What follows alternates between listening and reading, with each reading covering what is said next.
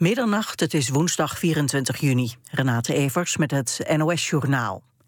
De Amerikaanse geheime dienst NSA heeft zeker drie Franse presidenten bespioneerd. Dat staat in documenten die klokkenluidersplatform Wikileaks samen met een aantal Franse media heeft gepubliceerd. Ook ministers uit Frankrijk en de ambassadeur in Washington zouden door de Amerikanen in de gaten zijn gehouden. Het gaat om de presidenten Chirac, Sarkozy en de huidige president Hollande. Kort nadat die was geïnstalleerd zou de spionage zijn gestopt. Er zijn berichten dat Hollande morgenochtend spoedoverleg heeft met zijn minister van Defensie en enkele andere hoge militairen over deze kwestie. Steeds meer militairen die hebben meegedaan aan missies in het buitenland melden zich aan voor hulpverlening. Ze kampen met allerlei soorten klachten.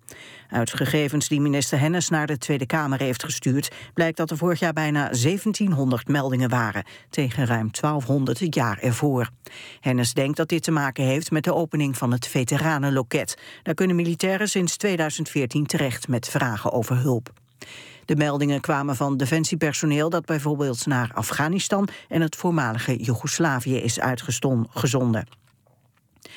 Een Amerikaanse man krijgt een schadevergoeding van ruim 5,5 miljoen euro... omdat hij bijna 25 jaar onterecht in de gevangenis heeft gezeten voor een moord. Op het moment van de moord in New York in 1989 was de man op vakantie in Florida. Maar een getuige beweerde dat ze heeft gezien dat hij de moord pleegde. Later werd die verklaring ingetrokken en vorig jaar kwam de man vrij. Hij had 145 miljoen euro schadevergoeding gevraagd. Het weer op de meeste plaatsen droog. De minima liggen vannacht rond 10 graden. Overdag geregeld zon. In het binnenland kan lokaal nog een bui vallen. En het wordt dan 18 tot 20 graden. Dit was het NOS Journaal. NPO Radio 1. VPRO. Slapen.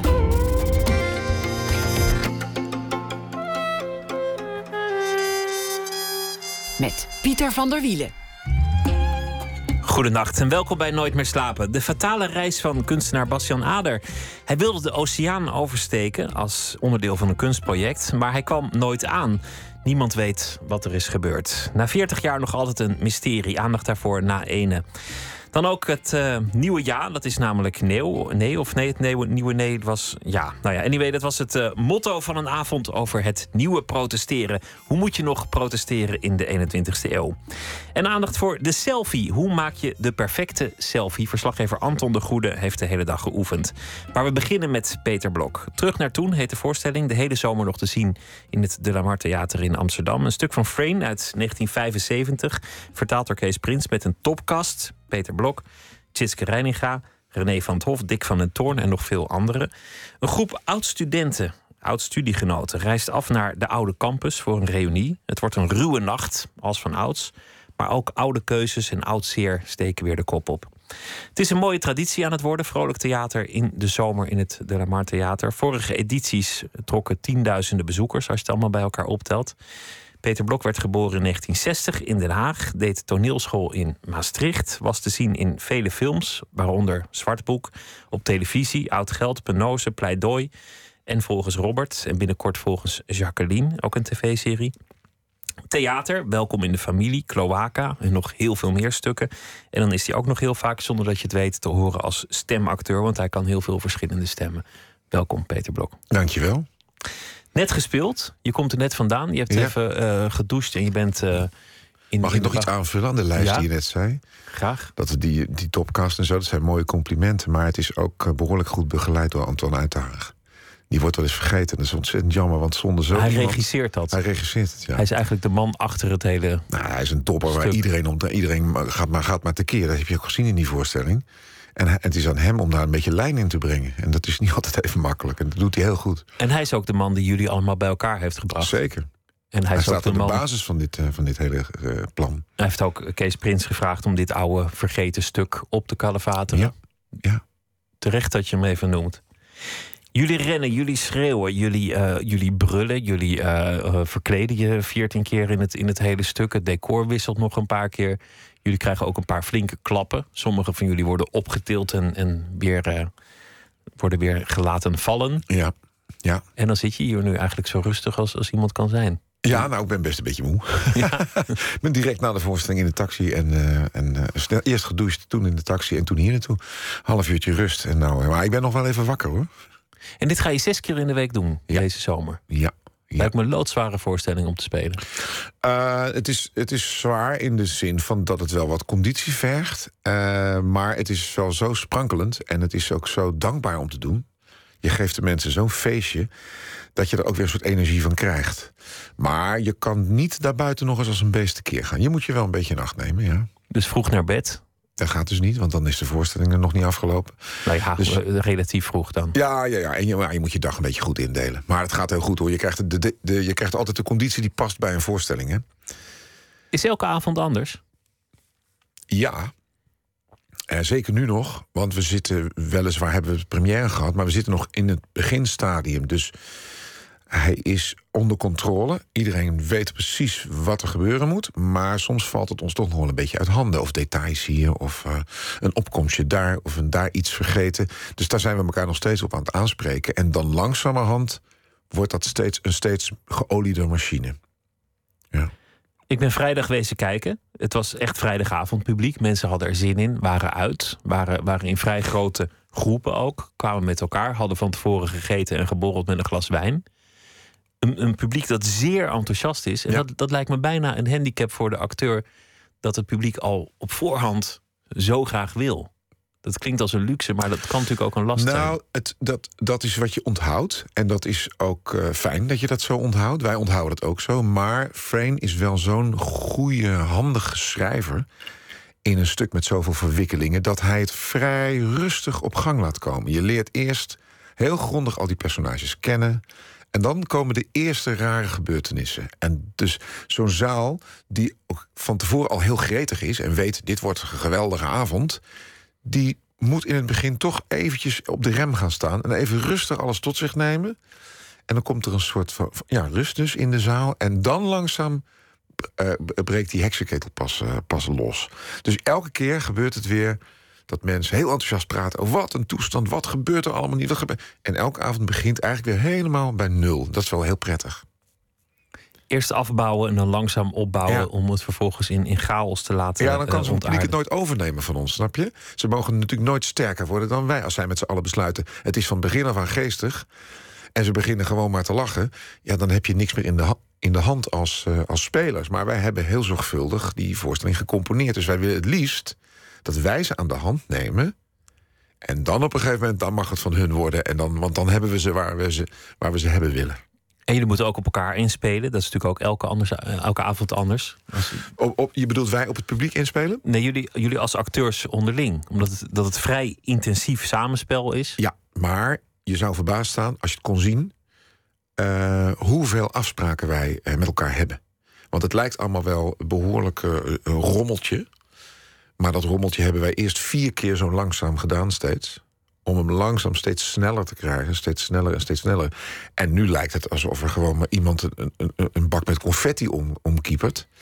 Maar wij weten precies waar welk snippertje terecht gaat komen. Jullie hebben het eerst vertraagd. Ja. En om het, om het vervolgens zo te ja, versnellen. en dat is niet bij wijze van spreken. Dat is echt zo. Dus ik doe de deur open, dan kom ik binnen, dan stap ik op het verhogingje, dan laat jij het glas vallen, dan draai ik me om, want ik kan nog, mag nog niet zien dat jij die pen in je zak steekt. Dan buk jij, dan gaat de andere deur open en dan schieten we in de lach. Oké, nog een keer. Ik kom binnen, dan stap ik op het verhogingje. Dan gaat... En zo, zo gaat het echt, ja. Bij sommige fragmenten. Ik was enorm onder de indruk van uh, René van het Hof, die in, in heel veel films en series uh, ja, eigenlijk één soort personage uh, onder de knie heeft gekregen. Namelijk iemand die zich niet redt in het leven. Iemand die, die constant achter alles aanloopt en een beetje nerveus wordt en zich niet kan verdedigen. Heel fysiek. Hij is eigenlijk maar één van de, de karakters in, in het ding. Iedereen heeft, ondanks de tekst, ondanks wat er al stond, lijkt het zelf ook een eigen personage toegevoegd. Of ja. mogen voegen van, van, de, van de regisseur. Ja, nou dat laatste is heel een belangrijke toevoeging. We, hebben, we zijn niet gedrild uh, van begin af aan... dit is het stuk en zo moet het gedaan worden. We zijn het gaan doen. En Antoine heeft heel goed nagedacht over wie welke rol zou gaan spelen natuurlijk. Omdat hij daar blijkbaar een soort sprankeling in zag... bij die acteur bij die rol. En zo hebben we, uh, zo hebben we gewerkt. En heeft hij iedereen de gelegenheid gegeven om te komen met wat je erin zag. En zijn eigen humor te gebruiken en zijn eigen fysiek te gebruiken en zijn stem en het soort van grappen en dat soort dingen. En dat heeft Antoine heel lang gelaten om uiteindelijk, daar is hij ook heel duidelijk in, te zeggen: oké, nu gaan we een aantal keuzes maken en beslissingen nemen. Want het moet een gestroomlijnd geheel worden. Maar het, hij heeft zeker gebruik gemaakt van al die individuele inbreng. Ja. En van al die dingen die iemand al, om wat voor reden dan ook, al jaren geperfectioneerd heeft. Of waar iemand Precies, je zal toch wel gek zijn dat je gaat van het hof in je. En, en dat je dan denkt, nou ga hem op een stoel zitten en doe maar verder niks meer. Dan wil je, dan vraag je hem om een specifieke kwaliteit. En dat, dat is, maar dat is bij Dickie van der Toren ook. En dat is bij mij hopelijk ook. En het is bij al die mensen, je, omdat je een aantal dingen weet ervan. En denkt, ik zie dat wel voor me. Kijken wat er gebeurt. Jij bent uh, de staatssecretaris van Onderwijs, een geslaagd man die ook terugkomt naar het campusweekend om daar met zijn oud studiegenoot een avondje bij te praten en uh, dronken te worden. Een man die, die trots is uh, op hoe het hem vergaan is in het leven. Ja. En hoe het hem nog zal vergaan. En hoe het hem nog zal vergaan. ligt natuurlijk binnen handbereik. Hij is ambitieus, hij is ijdel. Hij ja. heeft moeten snoeien in subsidies, maar dat is hem goed afgegaan. Vindt hij helemaal niet erg, volgens mij. En toch, en toch komen er allerlei dingen naar buiten in die man. Ineens dat hele bestaan dat, dat ontrafelt voor je ogen. Wat ja. is er met hem aan de hand? Nou, hij wordt natuurlijk in, het, in dit stuk in het nauw gebracht. Hij heeft een soort positie verworven. En hij houdt wel van aanzien. En hij houdt wel van respect. En uh, in de belangstelling staan. Uh, maar wel op een bepaalde manier dat het op hem afstraalt en dat hem dat goed doet. En in dit stuk wordt hij natuurlijk wel zo in het nauw gebracht dat hij langzaam gezichtsverlies dreigt te leiden. Er is een journalist aanwezig, er gebeuren er dingen onderling in dronkenschap, maar ook met de vrouw. En er worden suggesties gedaan, uh, geruchten komen er over zijn gedrag.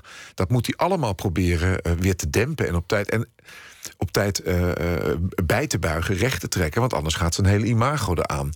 Het voelt een beetje als zo'n zo'n uh, Chinese artiest in het circus... die van die borden op zo'n stokje laat draaien.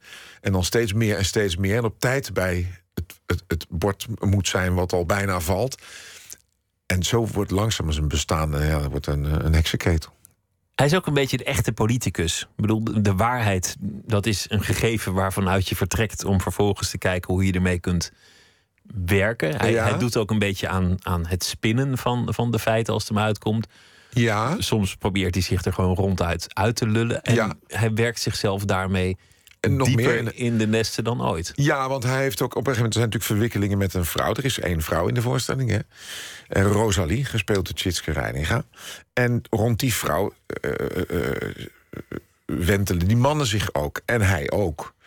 En... Uh, wat hij, moet, wat hij probeert te doen, is ook om haar te ontzien. En dat is wel nobel, maar daarmee werkt hij zich helemaal in de, in, in de nest. Het levert hem een compliment van haar op op het einde. Maar hij had zich dat weekend wel heel anders voorgesteld.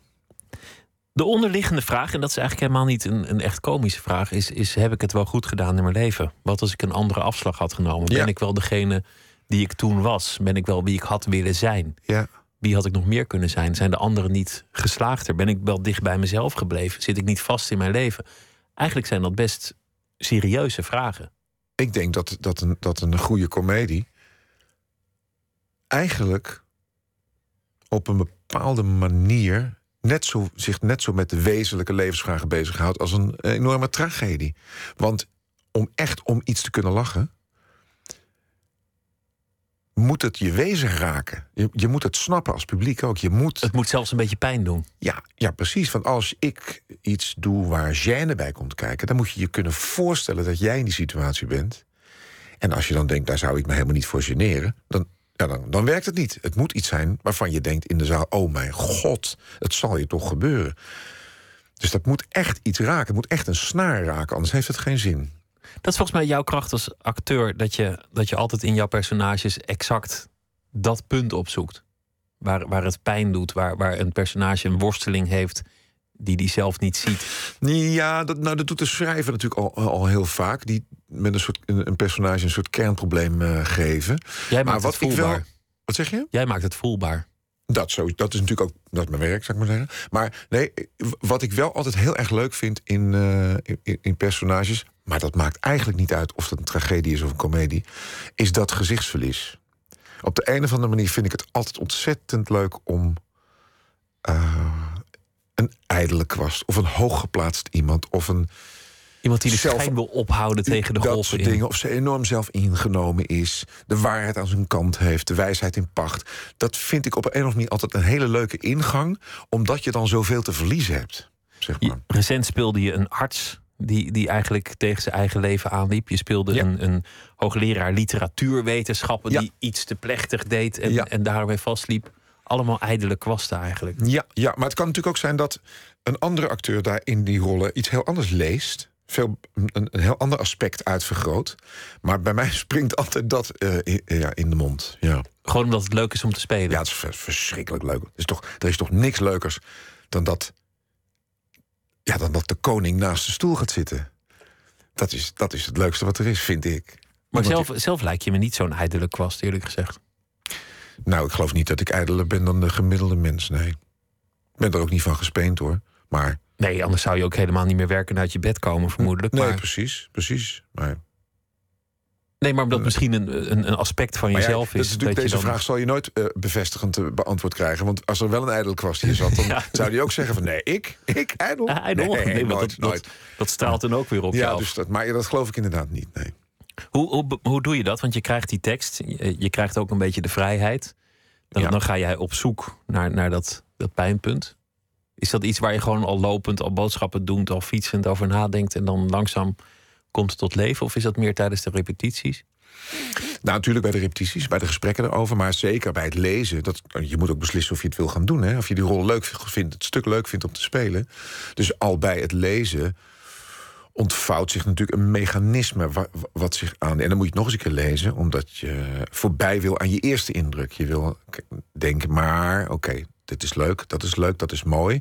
Maar wat ligt erachter? Wat gebeurt er verder nog? Dus het, in mijn geval is het zo dat ik eh, lees en schrijf, opschrijf. En eh, vaak gaat het al meteen in stapjes. Komt zo binnen. Ah, daar gebeurt dat. Belangrijk moment. En om een beetje door, door mijn oogharen heen... een soort ontwikkeling te zien van de rol... en ook van het hele stuk. En, en dat zijn de eerste stappen op weg naar, een, een, eh, naar, naar de rol.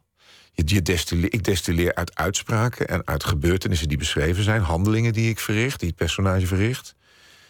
probeer je een soort gedrag te voelen. En wanneer werkt een personage? Wanneer, wanneer heb je het?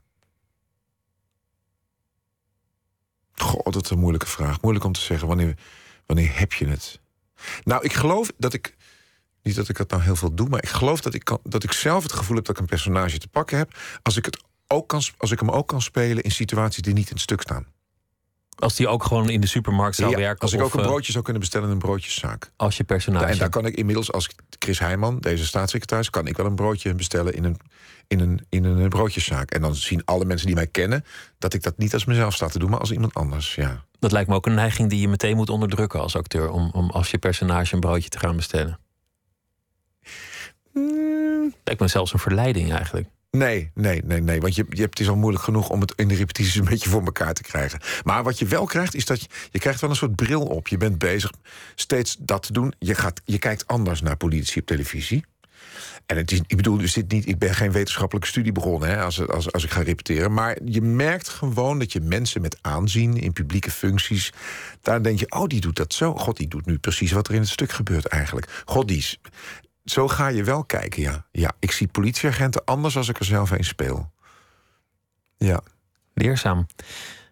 We gaan luisteren naar een ehm, singer-songwriter uit Londen. Ze is eh, 20 jaar oud. Flo Morrissey heb ik het over. Ze speelt in een eh, stel die nou, in de verte doet denken aan Nick Drake bijvoorbeeld. Haar debuutalbum heet Tomorrow Will Be Beautiful. En het nummer heet Pages of Gold.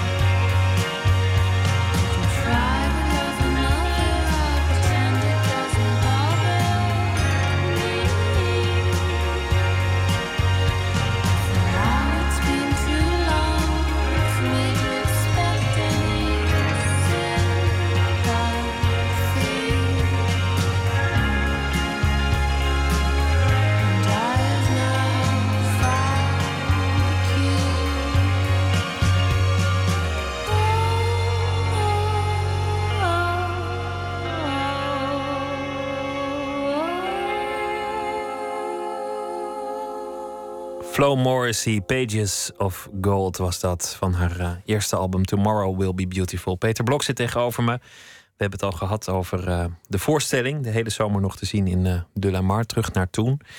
Geboren in 1960 in Den Haag. En als je niet was gaan acteren, dan was je waarschijnlijk wel wetenschapper geworden. Want ik heb me laten vertellen dat jij een, een exact brein hebt. Dat je eigenlijk een, een beta bent, een, een, een nerd, zoals ze dat zelf dan vaak eh, noemen als Nou, ja, nerd ben ik nooit geweest. Want dat bij een nerd denk je ook een beetje contact gestoord of zo. Hè? Of, of, of wel heel ge- geobsedeerd door één ding. En alleen maar dat ene ding, dat heb ik niet hoor.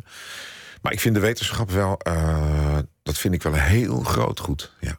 Maar je, je hebt er ook aanleg voor, want heel veel Ja. mensen die blokkeren als ze een formule zien, of die, die snappen eigenlijk niet zoveel van een, eh, een natuurkundige of scheikundige bed. Ja, Jou ging dat makkelijk af. Ik meestal wel. Ja, ik vond dat het leukste vak. Ik had ook zo'n, zo'n, zo'n wat sommige mensen dan wel zo'n nerdpakket noemen op school.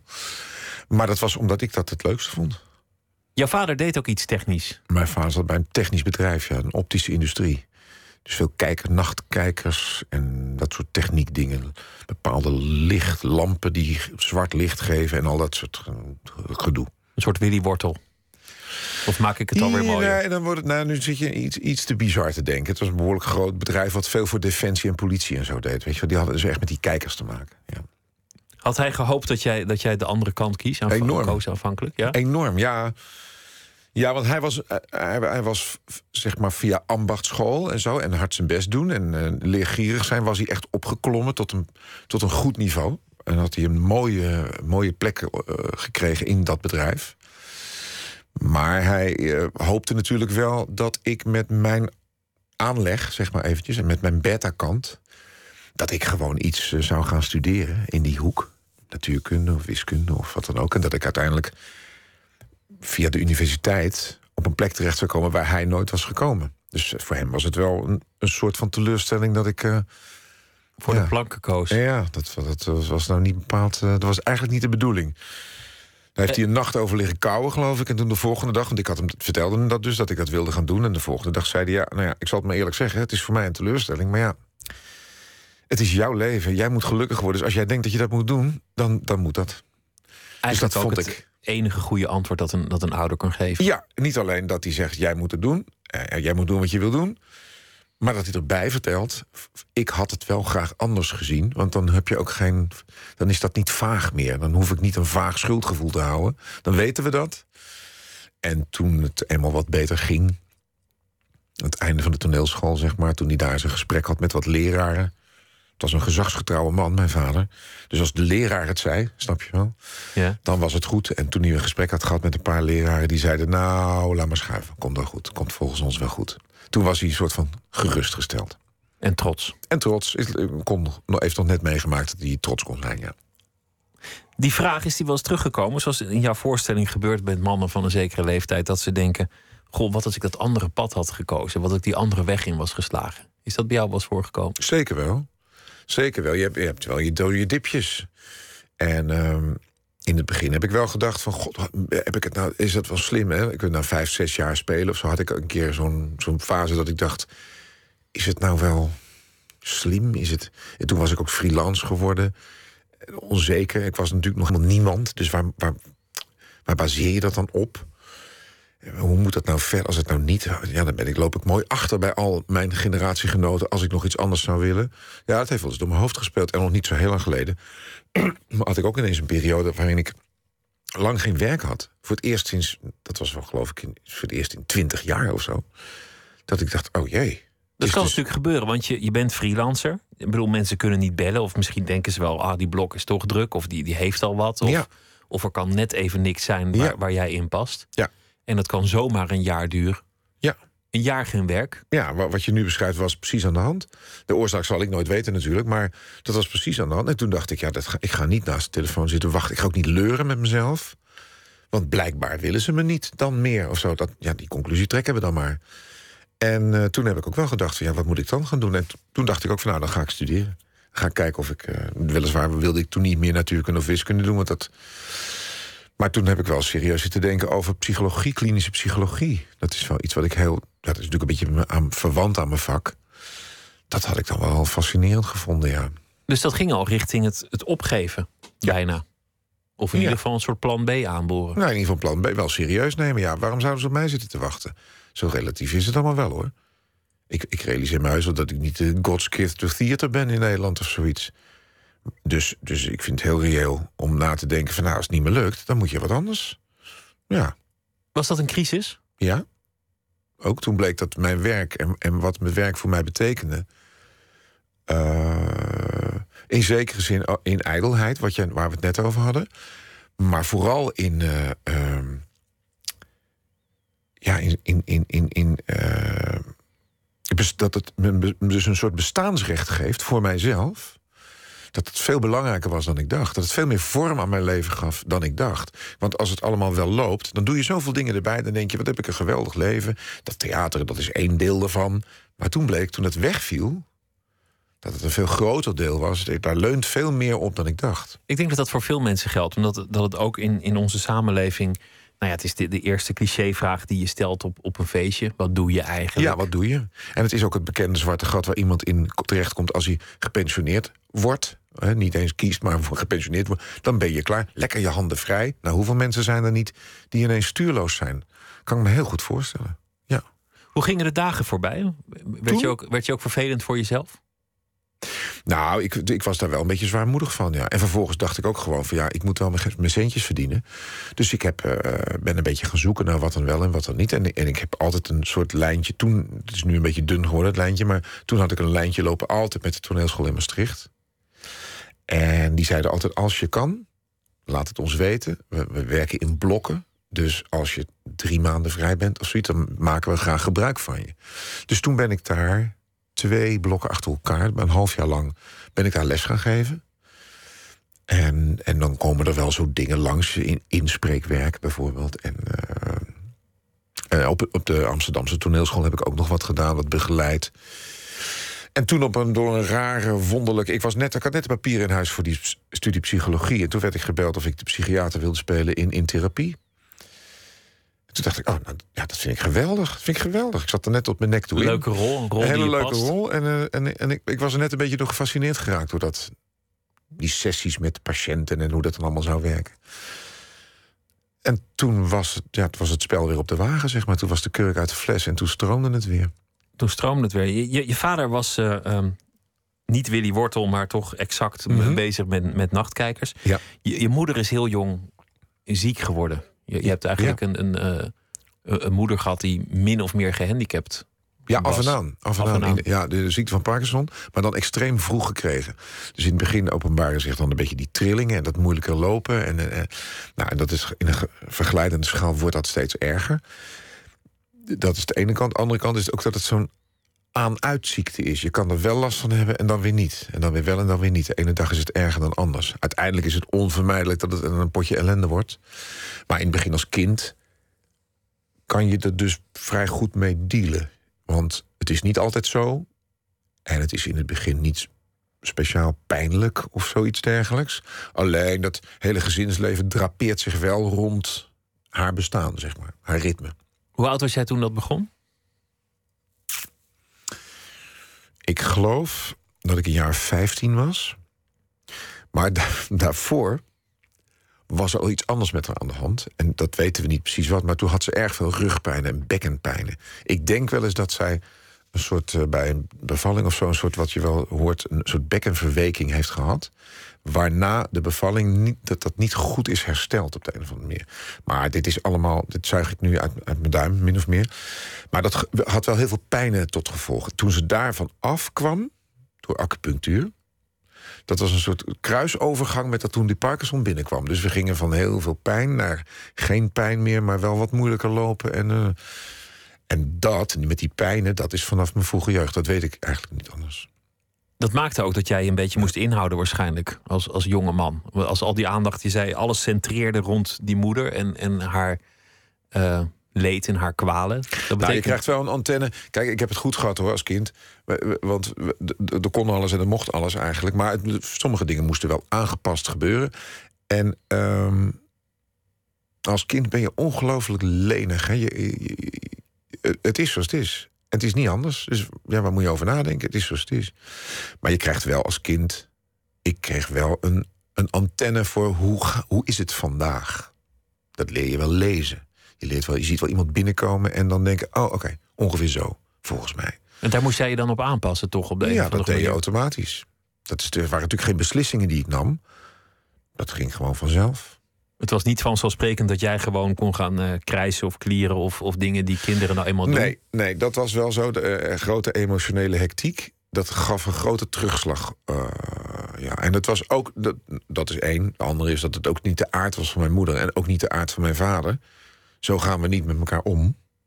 Gezagsvertrouwen mensen, en dat moest jij ja, ook dat, zijn. was, dat kon, dat, je moest in alle redelijkheid alles kunnen overleggen.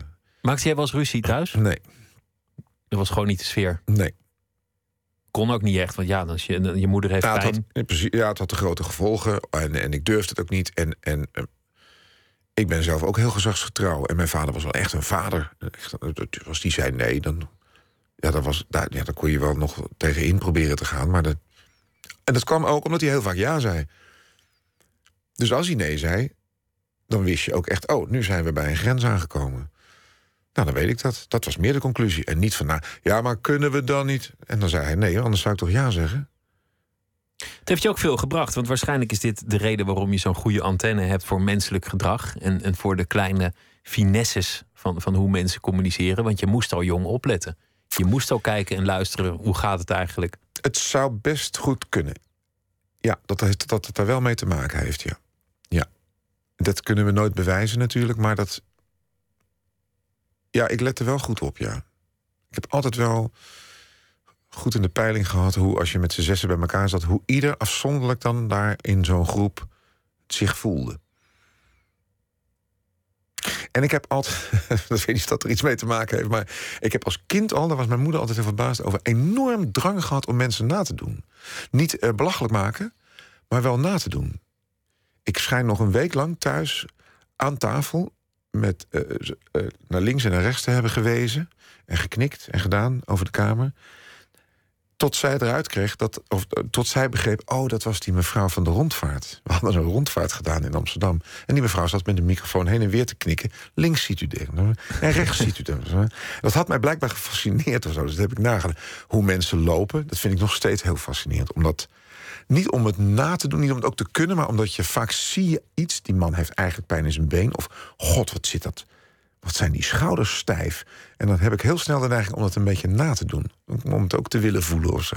En je kunt het later misschien ook weer, weer gebruiken. Dat is ook heel fijn, ja. Je zei net dat je, dat je een tijd zonder werk zat en dat eigenlijk alles in, in beweging kwam. Het, het was wel een beetje een crisis. Het was ook van ja, ik kan ook dit gaan doen, ik kan dat gaan doen. Misschien is het wel het, het, het einde van een loopbaan die me veel heeft gebracht. En misschien komt er iets nieuws. Op relatief late leeftijd. Ja, hoewel je bent, bent vermoedelijk op de helft, denk ik. Zo ongeveer. Nee, nee, nee, ik ben 55. Ja, maar mensen worden ouder tegenwoordig. 110. Nou, Dat moet toch ook kunnen. dat zou kunnen. Oké, laten we laten we We inzetten. zijn gewoon 100 lekker een beetje helft. optimistisch. We zijn We op beginnen helft. net een beetje warm te draaien, laten we het zo ja, zeggen. het Ja? begint net warm te draaien. na, na heel veel jaren, en het is, het is aan alle kanten ook al breed uitgemeten, crashte ook je huwelijk. Ja. Ging ook ineens eh, eh, kapot. Je lijkt mij als iemand die niet makkelijk ruzie maakt en, en gezagsgetrouw is, iemand die daar enorm veel moeite mee heeft. Ja. Wie niet? Dat is ook zo. En dat is nog niet. Dat is, dat is misschien ook een aspect, maar het is ook een aspect dat ik gewoon al heel lang een relatie had. En ook al heel lang een heel erg goede relatie had. En ehm, hoe langer dat is en hoe goed dat is geweest, hoe moeilijker het wordt om dat te verbreken. Omdat je, je kan zelf niet geloven dat je daaruit wil. Dat is, een- dat is bijna onvoorstelbaar. Je bent vergroeid. Ja, totaal eigenlijk. Hoe ver gaat dat? Ik bedoel, hetzelfde e-mailadres, dezelfde stamkroeg, dezelfde vrienden, Nee, beroepshalve. dezelfde vrienden wel. Verder eh, bijna niks hetzelfde. Nee, onze eigen werkkring. Mensen dachten dat wij altijd samen werkten, Maria en ik. Dat is natuurlijk niet zo, want ik kan het pas gaan spelen als zij klaar is met schrijven. Maria Maar- Goos schreef eh, vaak het scenario jij speelde. Ja, ja, Soms schreven jullie ook samen. Dat is alleen bij volgens Robert geweest. Maar we hadden natuurlijk, ik had natuurlijk wel veel met haar werk te maken. En zij met het mijne, want ze zag alles wat ik deed en ik las alles wat zij schreef. Dus in die zin was dat zeker wel verbonden met elkaar. Dus, dus op werkgebied, maar dan ook nog privé. En dan ook nog kinderen. Het was enorm, eh, ja, Het gebeurt natuurlijk heel vaak. Ik bedoel, het is helemaal niet zo'n heel exotisch verhaal. Eh, lang samen, het gaat goed. Ineens wordt iemand verliefd op een tegenspeelster in dit geval. Dat is allemaal gewoon eh, bekend. Uh, Tjitske Reininga, met wie je nu ook samenspeelt. Maar heeft het jou zelf veranderd? Was het iets waarvan je misschien bij jezelf dacht... Dit, dit, dit, nooit gedacht dat dit mij zou gebeuren. Het Ja, gebeurt dat iedereen. Het sowieso. gebeurt anderen, maar mij niet. Ja, dat heb ik sowieso gedacht. Maar eh, eh, eh, het heeft me, het, dat heeft mij niet veranderd. Ja, het heeft mij misschien ook wel veranderd. Maar ik ben, ik ben ervoor veranderd. Daarvoor is de Dat, verandering daar, geweest. het, zit in de verandering zit de oorzaak, zeg maar, van uiteindelijk mijn, het scheiden. Eh, want wat jij zegt, dat klopt. Ik ben verliefd geworden op, eh, op, op eh, Tjitske. Maar daarvoor is een heel traject waarin ik al veranderde en ik al klem kwam te zitten, zal ik maar zeggen, in mijn eigen bestaan. En ik voelde, ik wil hieruit. Ik voel mij niet meer goed. Daar waar ik nu ben in mijn leven, dat, dat gaat niet meer op deze manier. En ik was er zelf het meest verbijsterd over. Wat is die verandering en hoe, hoe, komt dat, hoe werkt het eigenlijk dat je klem komt te zitten? Ja. Hoe gaat dat? Dat, dat is toch wonderlijk. Daar kunnen we een slag naar slaan en een gissen, maar dat is, dat is zo verschrikkelijk moeilijk. Het had iets te maken met een soort uit die, uit die versmelting willen, een soort eigen identiteit willen ontwikkelen. Meer het gevoel willen hebben dat ik in het centrum van mijn eigen leven stond en niet in een gedeeld leven. Met z'n vier, toen mijn gezin nog compleet was, hè, de kinderen nog thuis woonden, is het dan met z'n vier. En daar komt al lucht in. Je, je krijgt iets terug daardoor. En daar is iets op dat vlak gebeurd. En ook in mijn werk heb ik, eh, kreeg ik de behoefte om daar meer, een, meer plek in op te eisen, eigenlijk voor mijzelf. Ik ben best een meegaand iemand. Eh, ik, ik, ben niet iemand die binnenkomt en, en dan be- begint met te zeggen... en ik wil het zo en ik wil het zo en jij doet maar dit... en daar heb ik dan mooi niks mee te maken, klaar. Ik ben erg van de consensus en van de samenwerking... en van wat heb jij dan nodig, wat heb jij dan nodig... wat blijft er dan voor ruimte over? Geen we- brani-schopper, geen ruzie Nee, maken. dat geloof ik niet. Nee, ik ben, je kan met mij best goed eh, samenwerken. En ik kan echt wel opschuiven voor iemand. Dat is helemaal niet zo'n punt. Maar dat kan je ook te veel doen. En toen ik behoefte kreeg om iets minder makkelijk op te schuiven... omdat daar ook wel makkelijk gebruik van gemaakt wordt... toen gebeurde er niet wat ik in eerste instantie verwachtte. Ik vond dat nodig om dat te doen, meer plek in te nemen. En dan denk je, nou, dan gaan we het nou krijgen. En nou, met die blokken gaan we niet meer... eh, die, eh, pff. En tegendeel was waar. Het was net alsof mensen het juist prettig vonden dat ik me meer profileerde. Alsof ze makkelijker met me om konden gaan. Omdat ik duidelijker was of zo. Zoiets vond het gewoon prettig van hé, die zegt gewoon Zoiets, wat hij wil. en zoiets, ja. hoef je niet te Zoiets dergelijks. Ja, en ehm, ja, dat was, dat was een heel grote verandering, ja. En daarmee ging alles schuiven. Het klinkt Ja. bijna, het klinkt bijna dat, dat klinkt misschien alsof ik het een beetje af, afpis, maar het, het klinkt bijna als een midlife crisis. Nee, Maar dat is het niet. nee, want dat is natuurlijk ook gesuggereerd. En ik heb er ook wel iets op nageslagen. En eh, een van de eerste punten die je bij een midlife-crisis eh, leest... is dat je dat wat je tot nu toe gedaan hebt... en zoals je tot nu toe geleefd hebt... dat je dat veroordeelt. En dat je heel erg in een soort woedestand terechtkomt van... en nou moet ik een keer... Nou, dat was bij mij helemaal niet zo. Ik heb het heel goed gehad. Ook in mijn werk heel erg goed gehad. En eh, ik heb mij voor mijn kinderen opgeofferd... zoals dat hoort, vind ik, als ouder... Maar niet opgeofferd in bijbelse zin. Ik ben daar niet in onderdoor gegaan. Ik heb gewoon kinderen gehad, die heb ik opgevoed. En dat zou ik precies weer zo doen.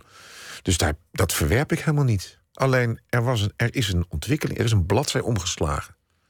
En daar heb ik wel gehoor aan moeten geven. Het is ook wel veel gevraagd, vind ik altijd hoor. Dat, dat, dat je dan iets wat ooit je leven is geworden, dan moet volhouden. En, en dat je, ik bedoel, ik ben best wel voor trouw en loyaliteit, daar gaat het niet om. Ja. Maar ik, ik vind ook wel veel gevraagd om, om altijd door te gaan, omdat dat dan nou eenmaal je leven is geworden. Ja, dat is ook zo. En eh, daar, daar is wel een mooie uitspraak over gedaan. Eh, Maar voordat ik die zeg, is het ook heel erg lastig om die, die om maar te zeggen, de joods-christelijke traditie waar Europa dan toch op leunt, heeft dat huwelijk eh, afgesproken toen de mensen, nou, met 50 was je oud.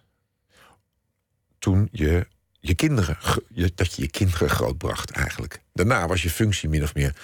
En dat is natuurlijk, dat, die periode is helemaal verlengd. En wij hebben een heel leven erbij gekregen. Zeker geef jij mij nu nog eens. Ja, die bent op de 110e. helft. En de kinderen het huis uit. Dus dat en- hele ja. leven daarna, dat, dat is inderdaad, dat, dat, daar moet je wel je achter de oren krabben van, je moet je er niet in vastzetten. Dat is wel eh, lastig. Maar ik zelf, eh, alhoewel ik altijd geroepen heb van nou, we kijken elk jaar wel weer hoe het loopt, heb inderdaad wel altijd gedacht, dit is voor altijd en voor eeuwig. Zo gaat dat. Maar dat moet toch ook in een relatie? Want als je denkt, nou, we zien wel, dan, dan, dan, ben je er Ja, eigenlijk dat al. lijkt mij ook.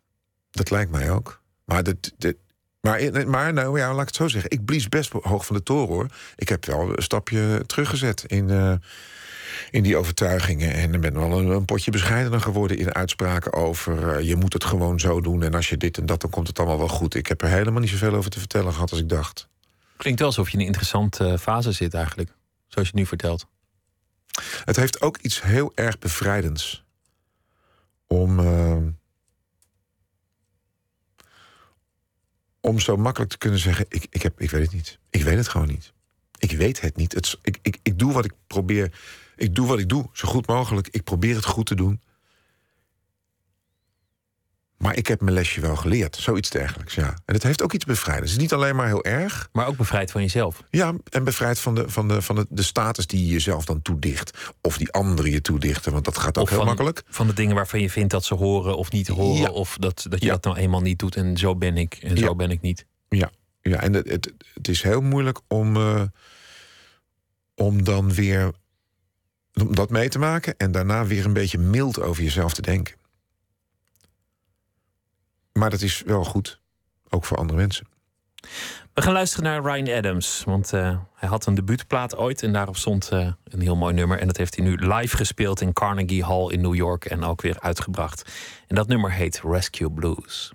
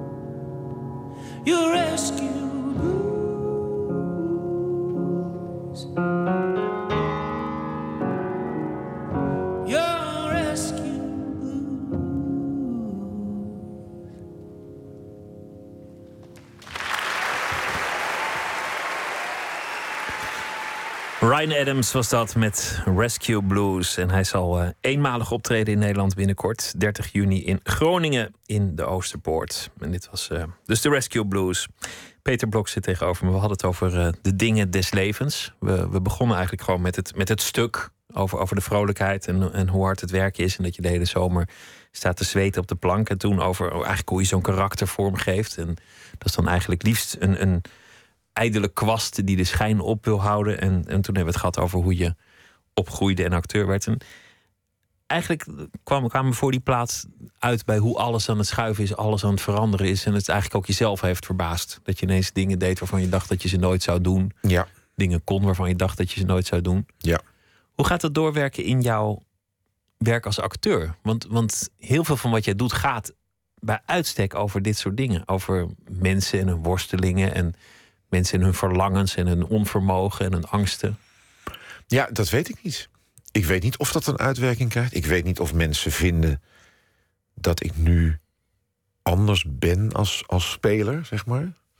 Of ik een andere uitstraling Nou, je, heb je of zo. je hebt bij geen- jezelf lijkt het een hele nieuwe laag aangeboord. Ja, je zou denken, dan, dan zal dat toch in het werk ook wel eh, Nou ja, zichtbaar eh, worden of zo. Stof voor inspiratie genoeg. Eh, ja, maar, maar bedoel je nu dat, mijn privé, dat er elementen uit mijn privéleven in, de, in, in, in voorstellingen Nee, verwerkt zouden worden? Dat, dat, lijkt, me- dat lijkt me niet, maar meer gewoon om, omdat je bij jezelf ontdekt ja, ja. dat dingen anders in elkaar steken. Oh, nou snap ik wat je bedoelt. Ja, nee, natuurlijk. Ik, ik, ik lees alle dingen natuurlijk anders. Ik lees een stuk anders, omdat, ik, omdat er iets anders, wezenlijk anders in mij is. Ik vind wezenlijk andere dingen leuk of belangrijk. En dus dat zal de keuze van wat ik zal doen, zal het mee te maken krijgen als ik voldoende kiezen kan. Maar ook hoe ik het aanpak en waar ik, waar ik vind dat het over moet gaan. Ja, dat zal omdat ik anders zal lezen. In die zin zal het het beïnvloeden. Maar ik heb niet mij voorgenomen, nu ga ik ook anders spelen, bijvoorbeeld. Of.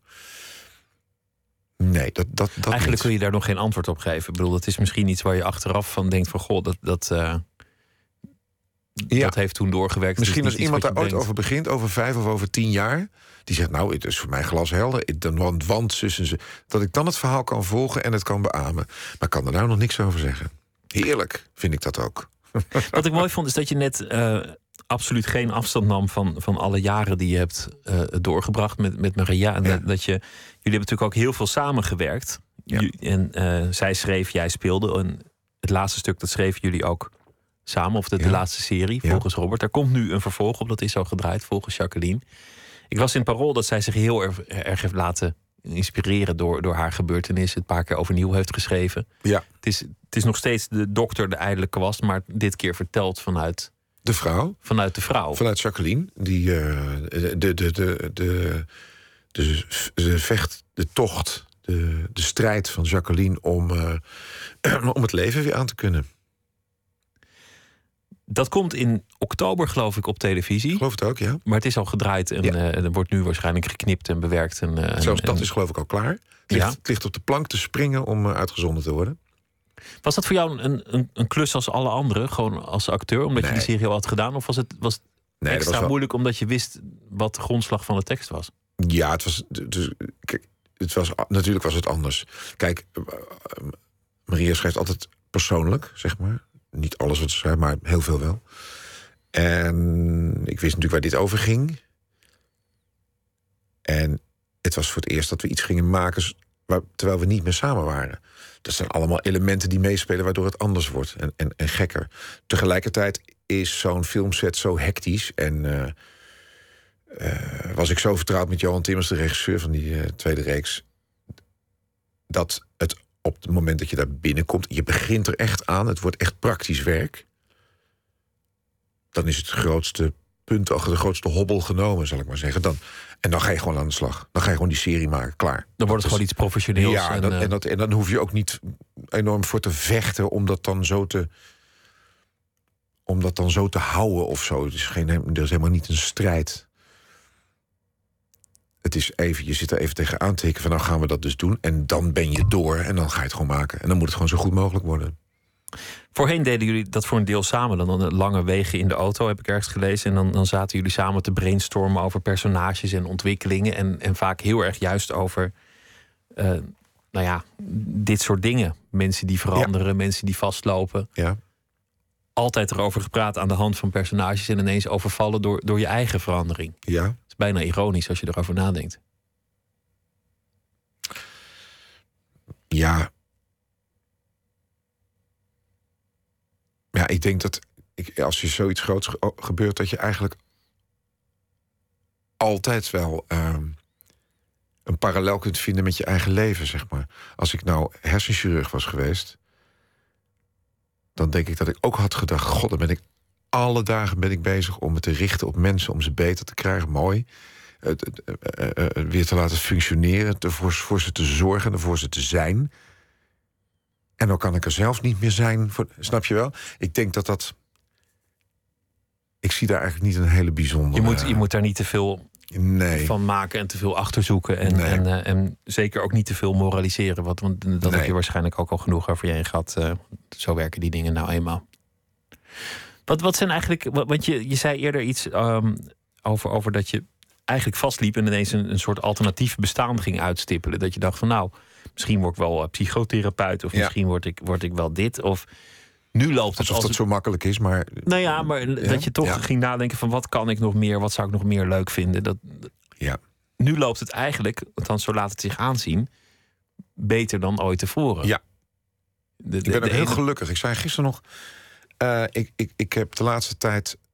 Ben ik zo. eh, de laatste jaren eigenlijk. Ben ik zo ontzettend gelukkig met het feit dat. Ik met dit vak. mijn leven kan leiden. Dat ik een goed leven heb. Dat ik ervan kan bestaan. Dat ik met fijne mensen kan werken. Op leuke plekken. En, en heerlijke projecten doe. Dat is. Kijk, als je net begint bijvoorbeeld, dan ben je zo aan het invechten in die markt, zeg maar. Later krijg je een soort ambitie. Ik wil dat gedaan hebben, met die gewerkt hebben. Of de, daar ben ik nooit zo heel gevoelig voor geweest, maar toch wel enigszins. En nu denk ik. Ik voel me er ontspannen in. Ik denk, ik vind het heel erg fijn en goed nu. Er zijn er heel veel mensen die dat, dat willen, hadden gewild, zouden willen, Ja. die het niet lukt. En ik vroeg me gisteren over, gisteren wanneer was het, nog af. Is dat niet een beetje saai? Om je hele moet, leven hij een- moet toch ambitie. Ik ben acteur, ik moet toch ambitie hebben. Ik moet, ik moet toch die rol willen spelen en, en, en naar het buitenland willen om even. Nou, dat is allemaal niet waar. Ik vind het helemaal goed zo. Gewoon een mooi stuk spelen. Een stuk spelen met fijne mensen om me heen. Maar is dat niet genoeg ambitie? Je hebt elke avond volle zalen. Er, er, er zijn eh, tienduizenden bezoekers geweest voor de Ja. vorige edities. Dat gaat volgens Ja. mij dit jaar ook wel weer lukken. Ja, Misschien staande wel. ovatie. Nou ja, dat zijn, dat zijn hele fijne gegevens in je leven. Maar het, zijn, het is niet een ambitie. Ja, ik heb wel de ambitie dat de zaal vol zit. Maar ik kan daar niks aan doen overdag. of zoiets. Ja, maar daar zit ook een beetje achter alsof het is van... misschien is er nog een groter leven achter de horizon. Of misschien, misschien moet ik nog meer van mezelf willen... of is dit wel genoeg? Dat, dat je daar Nou, dat zei Tjitske ook tegen mij. Van, ja, maar dat is toch, dit is toch geweldig? Dat, daar doen mensen het voor. Dit is, nou juist, dit is nou juist de goede ambitie. Wat als dit het gewoon is? Dat je het, Ja. goed, dat je het goed hebt en dat je je dat realiseert. Dat is een heel groot goed. Nooit, eh, nooit vergeten. En dat is natuurlijk waar. We hebben het niet echt gehad nog over, over film en, en over televisie... en, en over, over stemacteren. Nee. Want eigenlijk heb je daar nooit een keuze in gemaakt. Terwijl, Nee. terwijl het vrij wezenlijk andere... Ja, ik zeg altijd heel zijn. flauw, ik doe maar één ding, is afwisselen. Dat vind ik het, eh, dat vind ik het leukste, ja. ja maar er, en dan komt, eh, er komen twee televisiedingen aan weer. Hè. Penosa komt eraan, maar ook de affaire. Een serie over twee onderzoeksjournalisten, waar ik er één van ben. Dat komt in september, als ik me niet vergis. Ik heb veel televisie gedaan, hoor. Laatste eh, begin van dit jaar nog.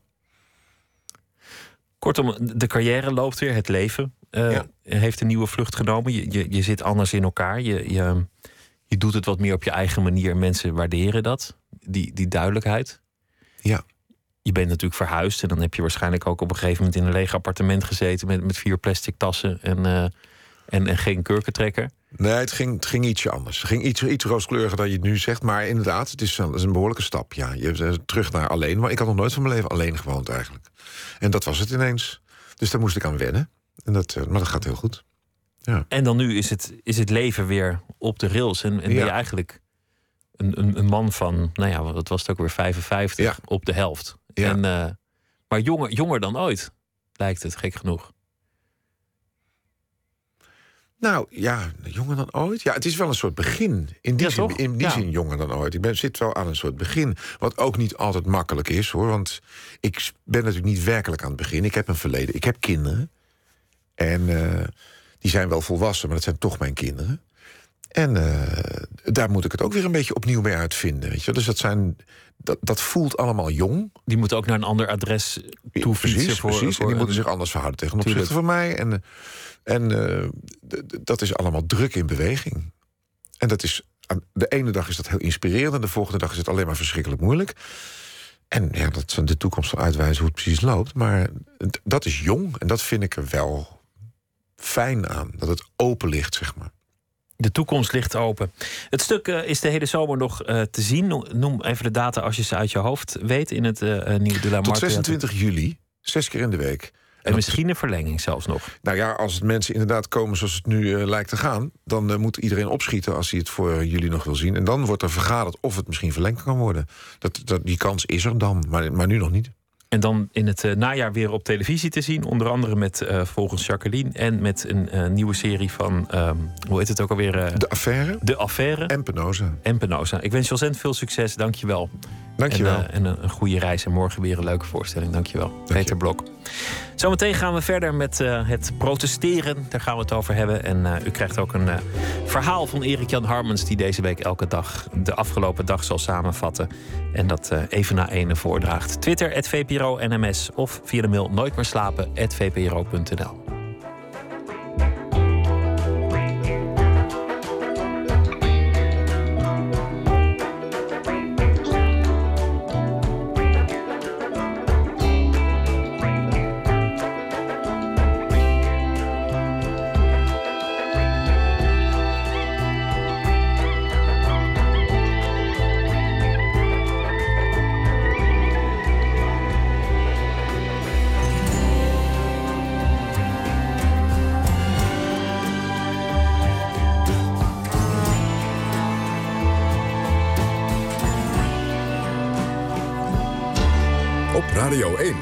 Nieuws van alle kanten.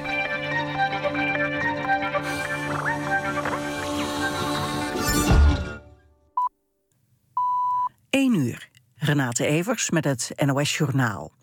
De Amerikaanse geheime dienst NSA heeft zeker drie Franse presidenten bespioneerd. Dat staat in documenten die klokkenluidersplatform Wikileaks samen met een aantal Franse media heeft gepubliceerd. Ook ministers uit Frankrijk en de ambassadeur in Washington zouden door de Amerikanen in de gaten zijn gehouden. Het gaat om de presidenten Chirac, Sarkozy en de huidige president Hollande. Kort nadat die was geïnstalleerd zou de spionage zijn gestopt. De NSA heeft bijvoorbeeld verslagen gemaakt van het overleg over de eurocrisis en heeft een lijst met namen en telefoonnummers van Franse politici. De regering in Parijs heeft nog niet gereageerd op de onthulling. Er zijn berichten dat Hollande morgen spoedoverleg heeft met zijn ministers van Defensie en enkele hoge militairen over de kwestie. Nederland wil een VN-tribunaal om de mensen te berechten die worden verdacht van het neerhalen van vlucht MH17. Dat meldt persbureau Reuters op basis van anonieme bronnen. Over zo'n tribunaal zou nu met alle betrokken landen worden gesproken. De Nederlandse regering hoopt volgens de bronnen op steun van de bondgenoten om Rusland onder druk te zetten om mee te werken. Het ministerie van Buitenlandse Zaken wil niet bevestigen dat een internationaal tribunaal de belangrijkste optie is. Er wordt nog onderzocht hoe de verdachten het best kunnen worden vervolgd, zegt een woordvoerder. CDA en D66 hebben laten weten zo'n tribunaal te steunen. De politie heeft een compositietekening vrijgegeven van de man die betrokken zou zijn geweest bij de liquidatie van crimineel Lucas Boom, twee weken geleden in Zaandam. De man werd gezien bij het uitgebrande wrak van de bus die werd gebruikt bij de liquidatie. De politie is op zoek naar vier mensen, drie mannen die schietend achter Boom aangingen en de bestuurder van de vluchtauto. Het weer op de meeste plaatsen droog. Minimaal liggen vannacht rond 10 graden. Overdag geregeld zon. In het binnenland kan lokaal nog een bui vallen. Het wordt 18 tot 20 graden. Dit was het NOS Journaal. NPO Radio 1. VPRO. Nooit meer slapen.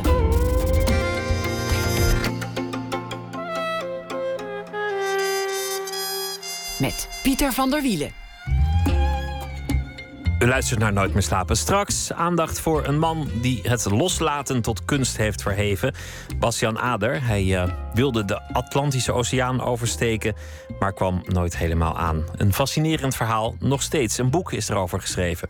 Maar we beginnen met Erik Jan Harmens. Hij is schrijver, heeft een aantal boeken geschreven, ook dichtbundels. Zijn laatste boek heette Hallo Muur, over een gescheiden man die eh, van zijn drankverslaving af wil komen en een nieuw leven probeert eh, op te richten. Deze week zal hij elke nacht een verhaal voor ons voordragen over de afgelopen dag. Erik Jan, goeienacht. Goedenacht, Pieter. Weer een dag voorbij, vertel. Vandaag in ehm The Economist, dat is een weekblad eh, dat ik lees omdat ik het interessant vind, maar ook omdat ik het wel interessant vind staan om The Economist te lezen. Dat geef ik wel eerlijk toe. Staat las gewoon ik- goed. Ja. Ja, dat staat altijd goed. Hè? En ik las in de The Economist iets over eh, de, de, het aantal eh, levenslang gestraften in Amerika. En ik heb daar iets eh, over geschreven. En ik heb het gekoppeld aan het eh, gevoel van gevangen zijn wat ik eh, eh, had toen ik opgroeide in eh, de slaapstad Alphen aan de Rijn. En waar lees je dan die Economist? Ga je dan ook ergens zitten waar het meer indruk maakt, zodat mensen zien dat je hem leest? Zou ik eigenlijk moeten doen, ja. Maar ik werk eh, eh, ook nog een deel van de week eh, eh, bij een eh, eh, zakelijk bedrijf, om het even zo te zeggen. En daar ligt hij gewoon. Dus dan lees ik hem gewoon tussen de mensen. Die mensen, daar vinden het eigenlijk niet zo raar dat ik die Economist lees. Maar eigenlijk zou ik er wel mee in de trein willen zitten of zo, ja. Dat je me echt zo pontificaal ophoudt en dat mensen zien, jij leest die Economist. Nou, ik weet niet of mensen in treinen nog onder de indruk zijn van dat soort dingen. Of dat daar misschien een heel andere cultuur is ontstaan waar andere dingen weer punten opleveren. Ja, je weet het niet. Je weet het niet. Maar goed, ik ben benieuwd naar het verhaal. Laat horen. Op dit moment zitten er in Nederland 34 mensen levenslang vast zonder kans op vervroegde vrijlating. In Engeland en Wales samen zijn dat er 55. En in Amerika zijn het er iets meer, las ik vandaag in Weekblad The Economist. Namelijk ehm 49.000. Ik herhaal dat nog even. 49.000. In Amerika zitten er 49.000 mensen in de gevangenis die nooit meer vrijkomen. Dat is bijna driekwart van de totale bevolking van Alphen aan de Rijn, de slaapstad waar ik opgroeide. Als puber voelde ik me daar enorm opgesloten, maar ik had geen levenslang, want ik ging op mijn negentiende op kamers wonen in Amsterdam. Ik wist mezelf vervroegd vrij te laten.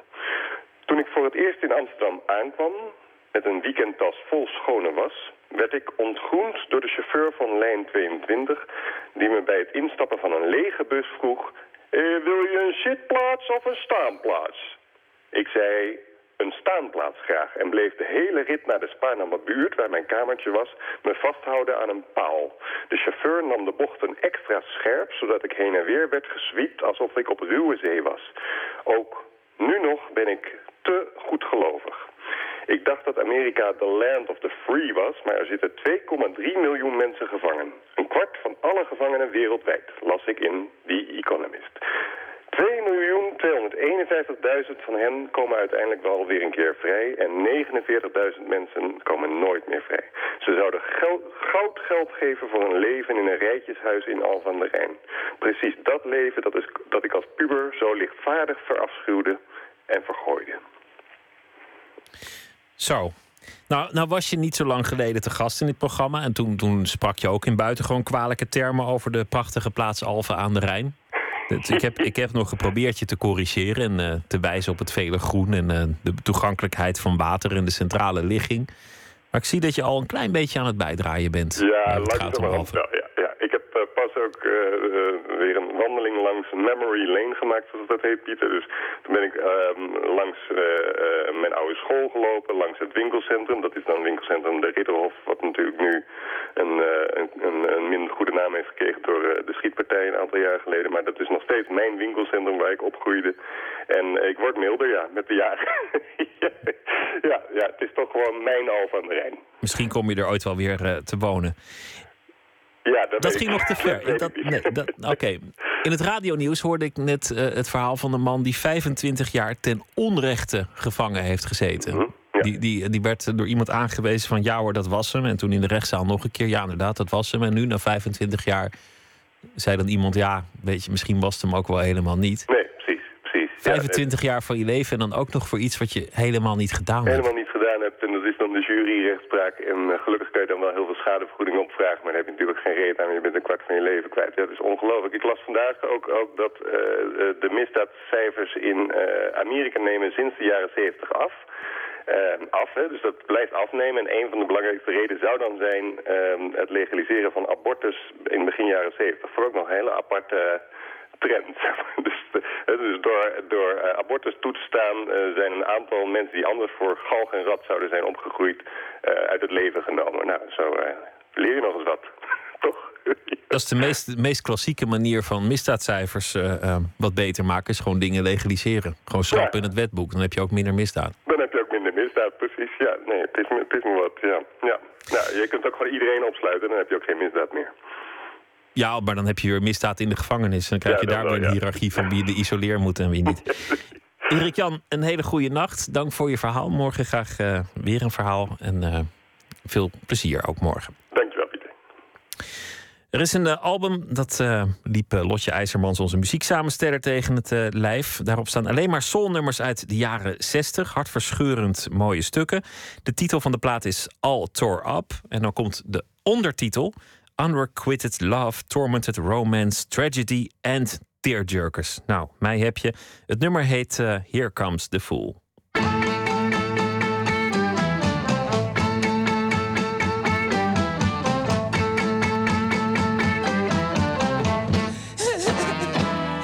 Here comes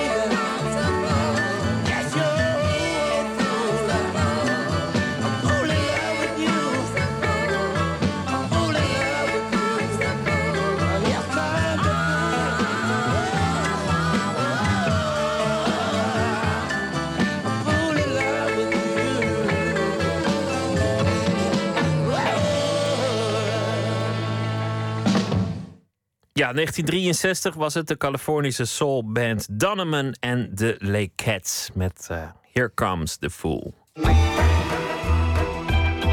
Nooit meer slapen. Op een dag in 1975 voer kunstenaar Bastian Ader weg met een piepklein bootje. Hij wilde de Atlantische Oceaan oversteken van Amerika naar Engeland. En de tocht zou onderdeel zijn van een kunstwerk. En de titel daarvan was In Search of the Miraculous, op zoek naar het wonderbaarlijke.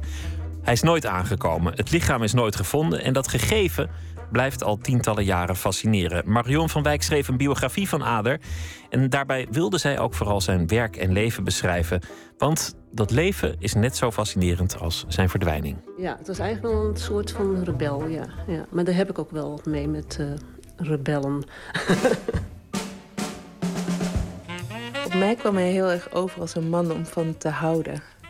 Wat vind jij daarvan? Nou, dat vind ik heel grappig dat je dat zegt. Want eh, ja, ik heb, moet ik zeggen, met heel veel liefde hier aan gewerkt. Dus, eh, nou, dat vind ik eigenlijk wel een compliment dan. Ja, ik, heb, eh, ik denk wel echt dat hij eh, wat lelijke kantjes had. Hij was echt, denk ik, helemaal niet alleen maar een aardige man. Ik denk dat hij ook heel fijngevoelig was en poëtisch. En ehm, intelligent ook. Dus dat eh, zijn werk, zeg maar, eh, dat is eigenlijk wat allereerst heel, veel heel erg aansprak. Is dat zijn werk heel veel lagen heeft. Bastian Ader hangt aan een tak in een boom. Zijn lange benen bungelen in het luchtledige en na anderhalve minuut laat hij de tak los en valt in de sloot. Of hij fietst langs de gracht en zwenkt opeens met zijn stuur en fietst zo, hoppa, het water in. Of hij kijkt in een camera en huilt. I'm too sad to tell you. Het zijn zwart-wit filmpjes die 45 jaar na dato nog steeds tot de verbeelding spreken. Het is eigenlijk heel simpel, zijn werk. Zoals die filmpjes en eh, weet je, gewoon alleen maar van een dak vallen. Of, eh, ik weet niet of jij dat... maar weet dat vroeger had je dan comedy capers en zo. En nou, van die komieken. En ehm, ja, dan moest je als kind ontzettend lachen wanneer iemand dan viel. Weet je, of... dat was gewoon komisch. Bas-Jan Ader werd geboren in 1942 en groeide op in de klei van Groningen. Zijn vader was dominee en een nogal avontuurlijke man. In de jaren 30 reed hij bijvoorbeeld per fiets naar Palestina. En tijdens de oorlog liet hij Joden onderduiken in zijn eigen huis, wat hem uiteindelijk zijn leven zou kosten. In 1944 werd hij gefusilleerd door de Duitsers. En Bas-Jan werd vervolgens opgevoed door zijn moeder alleen. Een sterke vrouw die graag gezien had dat hij ook dominee zou worden. Maar Bas-Jan was niet erg bezig met school. Hij was dus al een paar keer van school gestuurd en dus naar in Velzen geweest. En toen mocht hij weer terugkomen, uiteindelijk op het, eh, gymnasium in Winschoten. En eh, daar ontmoet hij een eh, man, en dat is Leo Gitsels. En die hebben we geïnterviewd. En ze hadden alle twee iets met jazz. Gewoon, eh, dat was het gewoon. Daar zaten ze met z'n tweeën op een kamertje van eh Bas-Jan in Drieborg... wat uitkijkt op het platteland. Weet je, je ziet niks anders dan eh, zwarte modder in de winter. Nou, dan gingen ze dus plaatjes draaien. En checkies roken. En soms wel eens even drinken. En ze hadden dan één woord over hoe ze zich voelden. En dat was existeren. En dat ging dus echt over zijn. Hè? Nu zijn we echt. Zijn moeder beseft uiteindelijk dat het niks gaat worden met die domineescarrière. Tot zijn grote vreugde laat Sebastian Ader naar de kunstacademie in Amsterdam gaan. Maar ook daar zakt hij al tijdens het voorbereidend jaar als een eh, baksteen. Nou, dit is een anekdote en die heb ik... eh, eh, het- staat ook al in het boek van Andriessen... maar ik heb gehoord van Van Elk... want dat was zijn eh, maatje op de kunstacademie. En, eh, nou, ze hadden al wat gedronken en toen zag hij opeens... ehm, twee stenen en toen dacht hij van... eh, ja, die ga ik inleveren. Dat ga ik doen. Maar hoe dan? Dat was dan, want je moet het toch toch presenteren. En ja, dan zijn ze dus een hele tijd bezig geweest met het over de weerschuiven van die stenen. Weet je, dan moeten ze nou op elkaar, naast elkaar, eh, helemaal ver uit elkaar. En nou dan hadden ze allerlei commentaren op. Want je, het was te gemaakt of te, te bedacht. Of, eh, nou ja, of het had, eh, ja, nou ja, het had niks meer. En nou ja, uiteindelijk besloot hij van... nee, ze moeten gewoon recht op elkaar en er moet cement tussen. Dus dat had hij gedaan en zo gemaakt. En dan de volgende dag moest hij naar dat uh, toelaten. Dat is een soort overgangsexamen is dat eigenlijk. Hè, van eh, de eerste, eh, het voorbereidend jaar. Dus dat je uiteindelijk echt naar de kunstnijverheidsschool mag. dus dat had hij eh, bij zich. En toen moest hij dat op de tafel leggen voor de commissie die, van die mensen die er achter die tafel zat. En eh, toen vielen die stenen van elkaar. Ja. Ja, het is inderdaad heel grappig omdat later dat vallen echt zo'n item voor hem is geworden. Dus dat was eigenlijk een soort voorbode, weet je wel, over eh, ja, van waar die eigenlijk wat zijn thema zou worden. Maar dat wist hij denk ik zelf nog niet. En toen werd hij van school gestuurd. Hij mocht niet verder op de kunstacademie. Dus ja, einde verhaal. Je gaat je eigenlijk afvragen, weet je wel, waarom eh, lukt het met hem niet? Weet je wel, wat, wat is dan, eh, dan de, de, het ding waarom het dan met hem niet lukt? Totdat hij in Amerika is, waar het opeens wel allemaal lukt. Gewoon ver weg van huis. En het is waarschijnlijk die hele invloedssfeer van zijn huis in Groningen. eh, dat hij eh, dacht, ik moet hier weg. Ik kan hier niet eh, leven. En, dus ik denk dat hij zich als persoon daar vooral gewoon ja, verlost voelde, zeg maar. En gewoon kon zijn wie hij was. En dat wilde hij heel graag. Gewoon zijn wie je bent. En, en ik denk dat ook dat contact met Mary Sue Anderson, zijn vrouw... en dat was de, de dochter van een eh, eh, kunstacademie-directeur... En dat contact, zeg maar, eh, weet je, dat bed waar hij dan in kwam... dat dat ook heel erg geholpen heeft voor hem. Om, om, dat zo, ja, om zich zodanig te ontwikkelen. Dat vallen, behalve dat dat grappig is en misschien Mhm. refereert naar de komische films. Ja. Waar staat dat voor? Ehm, ja, dan moet ik toch deze zin hebben. Hij zegt hetzelfde het beste namelijk. Hij heeft in, eh, bij, voor Sonsbeek heeft hij een zin ingediend... als zijn bijdrage voor de catalogus. En dat is... ehm, het lichaam van de kunstenaar als zwaartekracht... maakt zich tot meester van zichzelf. Dus. Ja, dat is wel een zin waar je even op moet kouwen. Ja, daar kan je natuurlijk op. Nou goed, ik heb alleen meer zoiets zo van. Wat, wat ik zelf kan begrijpen, omdat ik ook heel veel getraind heb. Als theatermaker heb ik ook vrij veel getraind. Is dat je gewoon moet kunnen vallen. En dus je traint je lichaam er zo eh, op dat dat kan. Dat het gewoon. eh, hè, dat je jezelf geen pijn doet of zo.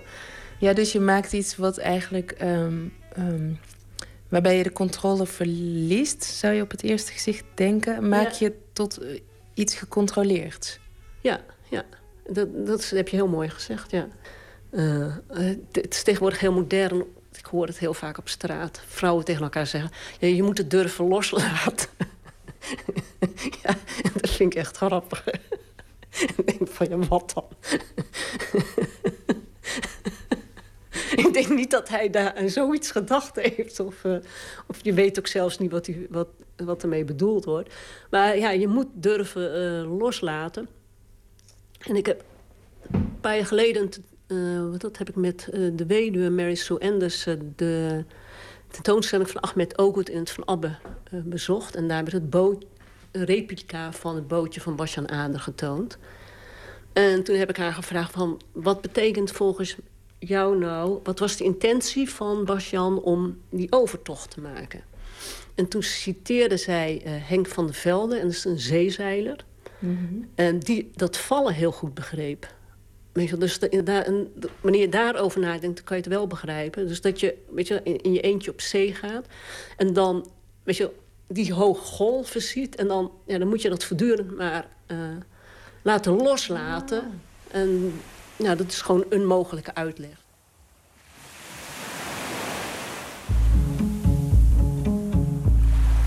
Op 9 juli 1975 stapt Ader in zijn piepkleine zeilbootje. Zijn vrouw Mary Sue filmt zijn vertrek. Dat moet immers vastgelegd worden, want zijn reis is onderdeel van een kunstwerk. Mary Sue huilt terwijl ze de camera hanteert. Ader wordt nooit gevonden. Zijn boot wel, ongeveer negen maanden later door Ierse vissers. Marion van Wijk deed eerder al minutieus onderzoek naar die zeiltocht en kreeg de dossiers van de Spaanse marine over de gevonden zeilboot in handen. En eh, nou ja, goed, wat Mary Sue vertelde, ze hebben in ieder geval... eh, er was een zonnebril gevonden. Die heeft zij gekregen, een sextant gevonden. En die is meegegaan met de broer. Die zeg En had hij dagboekaantekeningen? Ehm, nee, die zijn niet gevonden. Maar wel allemaal van dit soort eh, kaartjes. En het meest grappige was bijvoorbeeld ook eh, van een adres in een Hongkong van een, deze nou? een sailmaker. Die vond ik echt gra- grappig. Wat helemaal niet op de route lag. Wat helemaal niet op de route lag, ja. Maar dat is toch wel grappig, weet je. Waardoor je denkt van, wat doet dat er nou, weet je wel? Wat, eh, was hij van plan door te zeilen, weet je naar eh, China of... Ja, want is er verder dan iets gevonden wat een licht schept op wat er mogelijk onderweg is gebeurd? Hij heeft dus geen aantekeningen gemaakt. Nee, er zijn geen, nee, natuurlijk niet. Nee, nee, want er zijn geen aantekeningen gemaakt. En dus dachten van, nou, er is misschien een explosie aan boord gebeurd. Waardoor dat... eh, maar hij kan ook overboord zijn getrokken. Omdat die deur met die lifeline eruit waren geslagen. Dus dat kan ook gebeurd zijn. Dus... Waar mens, andere mensen zo met die... eh, ja, maar dat, hij is vermist en wat hij heeft gedaan. Weet je, daar op die zee is toch levensgevaarlijk. Maar daar blijven veel mensen op hangen. En ik had zoiets van... eh, ja, maar ik vind zijn hele leven heel... eigenlijk misschien veel boeiender. Het boek van Marion van Wijk heet Let Go Basjan Ader. Heeft ook een eh, website. Dat is opmerkelijk voor iemand die in 1975 is eh, vermist. basjanader.com. En daar kun je zijn belangrijkste filmpjes zien. We gaan luisteren naar eh, Lucinda Williams. Karen Dalton was een volkszangeres uit Greenwich Village. Uit de kringen rond de jonge Bob Dylan.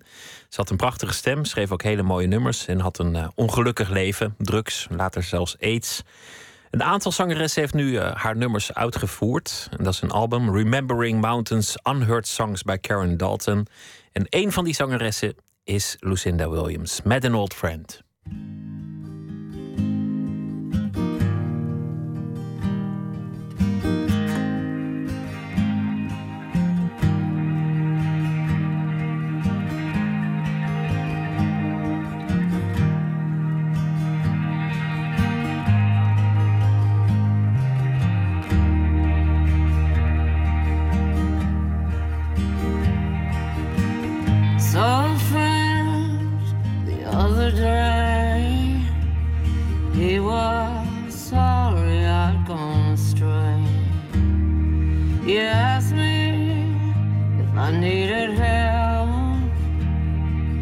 I told him to go help himself.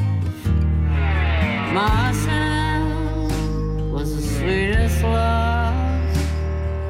That's what I'll be thinking of. My sin was the sweetest love. My sin was the sweetest love.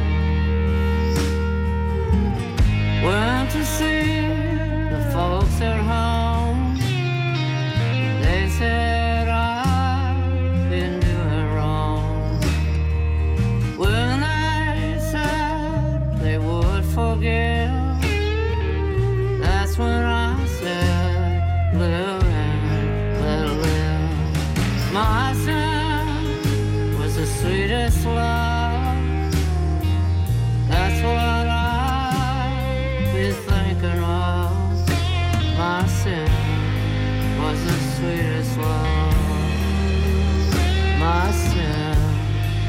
the sweetest love.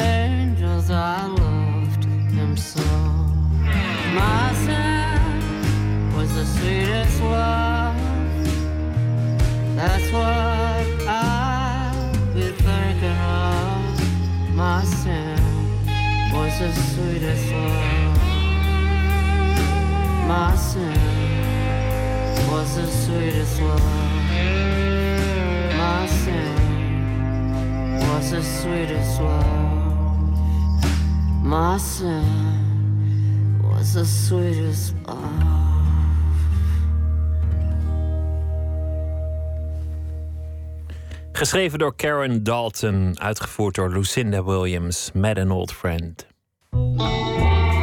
Nooit meer slapen. Als je het er niet mee eens bent, kun je altijd nog protesteren. Maar hoe doe je dat het beste? Er zijn tegenwoordig vele vormen van protest. Een hele debatavond werd er al aan gewijd. Dat was in eh, Frascati in Amsterdam. En Botte Jellema, de nachtcorrespondent van dienst, die was erbij. Botte, de oude vormen van protesteren, hebben die dan nu echt afgedaan? Ja en nee. Ehm, want het eh, bezetten, het staken, stilleggen... dat zijn nog steeds eh, zinvolle zaken, zo werd er geconcludeerd. Maar zonder de nieuwe vormen van protest... halen ze eigenlijk weinig meer uit. Dat eh, werd er gezegd. Nou, het was vanavond in zoals je zei, in Amsterdam... in samenwerking met Recto Verso. Dat is een, een blad uit Vlaanderen. Dat gaat over cultuur en kritiek. En zij hebben het eh, een, een, heel blad eraan gewijd. En vanavond dus deze discussie eh, over verschillende vormen van protest. Want zo schrijven zij, het verzet dat bloeit meer dan ooit, zo lijkt het wel. Van het Maagdenhuis in eh, Nederland tot Hart boven Hart in België. Dat is een, een protestbeweging tegen de eh, besparingen of de bezuinigingen, zo je wil, op de sociale voorzieningen door de Vlaamse en de Belgische regering. Ehm, nou ja, ondertussen zeggen zij ook de klassieke vormen van protest, dus die stakingen, de petities, die lijken wel op steeds meer sceptisch van de publieke opinie te stuiten. Dus wat moet daar met, mee gebeuren met die eh, protesten van in deze tijd? Nou, discussie met Lieven de Kouter, een Vlaamse cultuurfilosoof die er was. Jan Rotmans, een hoogleraar transitiekunde. Eh, ook Nicoline van Harskamp was erbij. Zij is beeldend kunstenaar. Er leek een belangrijke eh, rol weggelegd voor kunstenaars in, eh, in, in, in het onderzoeken van die nieuwe vormen. En er was ook nog een soort column of samenvatting van theatermaakster Marjolein van Heemstra. Die ook veel met het thema heeft gedaan in het verleden. Zeker. De titel van het debat was Ja is het nieuwe nee. Nou, wat is dan nee Ja. en wat is dan precies ja? Ja, nou dat nee, dat is het oude verzet waar we het net over hadden. En dat ja, dat is eigenlijk een klein beetje, dat is dan het nieuwe verzet, maar dat is een beetje onduidelijk gebleven wat we ons daar nou precies bij moeten voorstellen. Eerst Lieven Kouter. Hij noemde als goed voorbeeld van eh, verzet, van verzet in deze tijd, het Tahrirplein in Egypte. Alweer een paar jaar geleden. Hij gaf natuurlijk ook meteen toe, de Arabische lente is niet helemaal geworden wat we ervan hadden gehoopt. Maar er begon wel iets en dat was zijn pleidooi voor de hele avond door. Het ja kan niet zonder het nee. Dat Maagdenhuis bijvoorbeeld, een heel concreet voorbeeld, hè, eh, Nederlands eh, voorbeeld, eh, is eerst nee zeggen aan de absurde neoliberalisering van de Nederlandse universiteiten en dan zeggen, en nu moet het anders. Maar dat, je kan niet zeggen, wij gaan nu, bijvoorbeeld, je kan dat wel, maar, maar dan doe je toch eh, iets wat misschien toch niet zoveel impact heeft. We gaan een alternatieve universiteit maken. Hè. We maken een, een, eh, weet ik veel, een website, hè, op Com- Common University, whatever. Ik ben daar niet tegen, maar het is belangrijk bijvoorbeeld, eh, om nu in het, in het denkspoor te blijven. Bijvoorbeeld als we zeggen, we maken een website met een Open University de, Holland. Fantastisch, ik wil onmiddellijk meedoen. Trouwens, dat soort initiatieven bestaan, alternatieve scholen, noem maar op. Maar we moeten ook die, die, die moloch, die toch heel belangrijk is in onze maatschappij, namelijk de universiteit, het hoger onderwijs, ja, dan kunnen we niet tot een, tot een eh, pure, puur bedrijf, tot een pure onderneming laten verwoorden. Onderwijs is te belangrijk, I'm sorry. Dan, maar dan maak je burgers, dan maak je kritische mensen, daar, daar, daar moet van alles kunnen. Het gaat niet alleen over ondernemerschap. En, en de Nederlandse universiteit was alleen nog bezig met die lijn. Eh, dus management van binnen, maar ook de managers produceren. En, en, en het Maagdenhuis was daar een groot nee, een, een, een kreet van nee tegen. Dus in, in die zin oud verzet. Ja, Die zat er lekker dan, in. eh, ja, precies. Nou ja, en dan kun je sceptisch zijn over, eh, over oude eh, vormen van eh, bezetten. Dat, dat dat dan misschien in deze tijd niet meer werkt. Maar hij zei het bezetten van, eh, van zo'n maagdenhuis... wat burgerlijke ongehoorzaamheid erbij. Hè, dat je moet toch een deur intrappen om ergens binnen te komen. Dat is gewoon belangrijk. En eh, hij gaf ook als voorbeeld dat in Vlaanderen een genetisch gemodificeerd eh, veldje met aardappelen eh, is eh, gerooid. Tenminste, daar is een deel van gerooid. Dat was een proefveldje. Ehm, eh, daarmee hebben ze niet alle genetisch gemodificeerde aardappelen uit Vlaanderen weggegooid. Maar het maakte wel zoveel kabaal in de samenleving. Dat je dan uiteindelijk toch dat grotere maatschappelijke debat krijgt. Een symbolische actie. En die zorgt dan voor een reactie in eh, de maatschappij. Nou, dat is in zekere zin oud verzet. Eh, vond ook Jan Rotmans, de hoogleraar transitiekunde. Hij eh, werkt aan de Universiteit van Rotterdam. Hij vindt dat ook dat beide soorten verzet nodig zijn. Maar hij richtte zich vanavond toch vooral wat meer op het nieuwe verzet. En dat is sluipende wijs. Dat kan eigenlijk alleen vanuit ja, een nieuw soort ideologie. Wat werd gezegd, een nieuw mens- en wereldbeeld. En dan moet je dat vooral doen vanuit positieve inspiratie. En dat zijn niet alleen acties, maar dat zijn ook bewegingen en netwerken en coöperaties... die een langere rijkwijde kennen. En waarbij je niet zegt het moet nu gebeuren. Want ja, nu in een transitietijd is eigenlijk een flart van een seconde en stelt weinig voor. Nu in een transitietijd kan 10, 15 jaar betekenen. Nou, hij heeft het over die transitietijd. Hij zei daarover dat hij verwacht dat er echt een langdurige periode van onrust komt in de komende jaren. En daarbij is het oude en het nieuwe verzet nodig. Hij zei. eh, jongeren die, eh, die meer van het nieuwe verzet zijn, die sluiten zich niet aan bij vakbonden. Die willen de straat niet op. Nou, dat zien we ook. Eh, wat ze wel willen, is sociaal ondernemen bijvoorbeeld. En dat noemde hij een vorm van stil protest. Eh, Men struikelde over het woord en dat vond ik wat dogmatisch en wat oud klassiek. Want de invulling die het nu krijgt om als ondernemend persoon waarden toe te voegen aan de samenleving en de economie, vind ik ook een vorm van eh, verzet. Maar vanuit positieve energie en inspiratie. Omdat die mensen, zeker de jongere generatie, zeggen we voelen ons niet meer thuis bij grote organisaties. We gaan ook niet op het Malieveld staan. Wij willen zelf iets tegenover zetten. Ik heb het voorbeeld van Bojan Slat genoemd. Om die plastic soep op te ruimen. Ik heb Krom Krommer genoemd. Ik kan tientallen, honderden voorbeelden geven. En dat vind ik eh, eh, heel belangrijk. Dat is niet het antwoord, maar een deel van het antwoord... op weg naar een zoektocht die we met z'n allen aan het voeren zijn. Een stil protest is het dat niet te onderschatten is, zegt Jan Rotmans. Want een actie dat creëert misschien even reuring... maar dan wordt het weer maandagochtend en dan is alles weer zoals het was.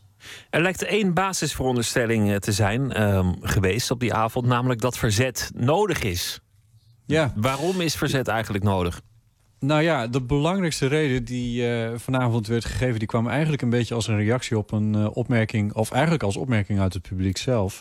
Ehm, want eh, iemand nam de microfoon en die zei... ja, ik wil het even opnemen voor de kritiek in brede zin. Want hij zei, er lijkt steeds minder ruimte te zijn... om een systeem te bevragen. Met het systeem bedoelde die, eh, nou ja, alle instituten die we kennen... maar eh, ook, ook de maatschappij en noem het allemaal maar op. Dus alles waar je tegen kan, eh, regeringen eh, waar je tegen kan protesteren. En die vraag die vat het wat mij betreft wel aardig goed eh, eh, samen. Er werd ook trouwens volmondig op gezegd van ja, dat is buitengewoon belangrijk om kritiek te kunnen leveren. En, ehm, en hij zei, en dat, dat werd verder niet echt bediscussieerd helaas, maar eh, ja, er, er is zo weinig ruimte meer voor. Het wordt eigenlijk niet meer echt gewaardeerd als je je kritisch uitlaat. Er is ook zoveel kritiek dat je bijna in een cacophonie terechtkomt... omdat dat zoveel mensen tegen zoveel dingen protesteren... dat, dat het ook niet meer zoveel impact kan hebben. Nee, precies. En ehm, eh, uiteindelijk zeiden de, de, de, de, de, mannen en vrouwen aan tafel eh, dus ook van... ja, je moet wel eigenlijk één ding eruit kiezen waar, je je dan tegen verzet. Want als het bijvoorbeeld eh, Occupy kwam ook een paar keer naar voren. Het werd deels gezien als nieuwe vorm van verzet, maar ook als eh, tamelijk mislukt.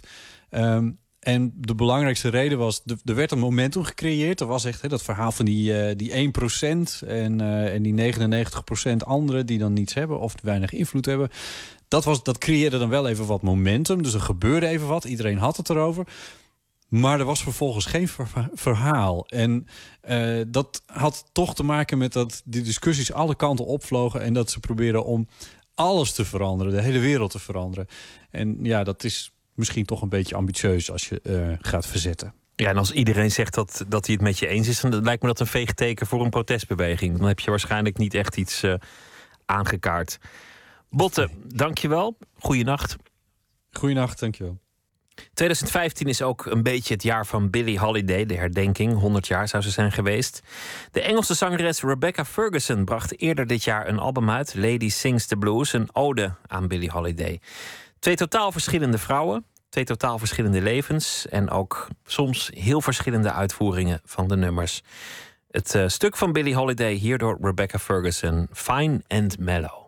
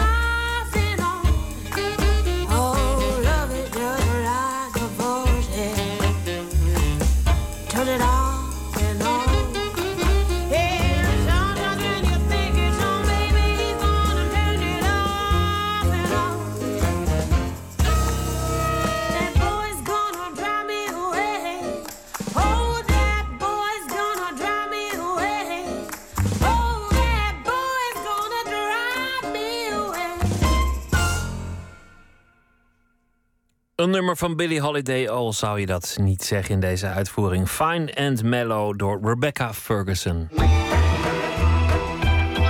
Nooit meer slapen.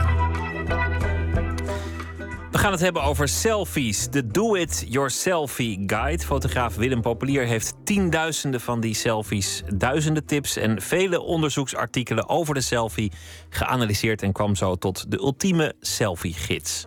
Ook verslaggever Anton de Goede, nooit eerder betrapt op de aanvechting tot het maken van een selfie. Die moest er toch aan geloven en ging in de leer bij de selfie-expert.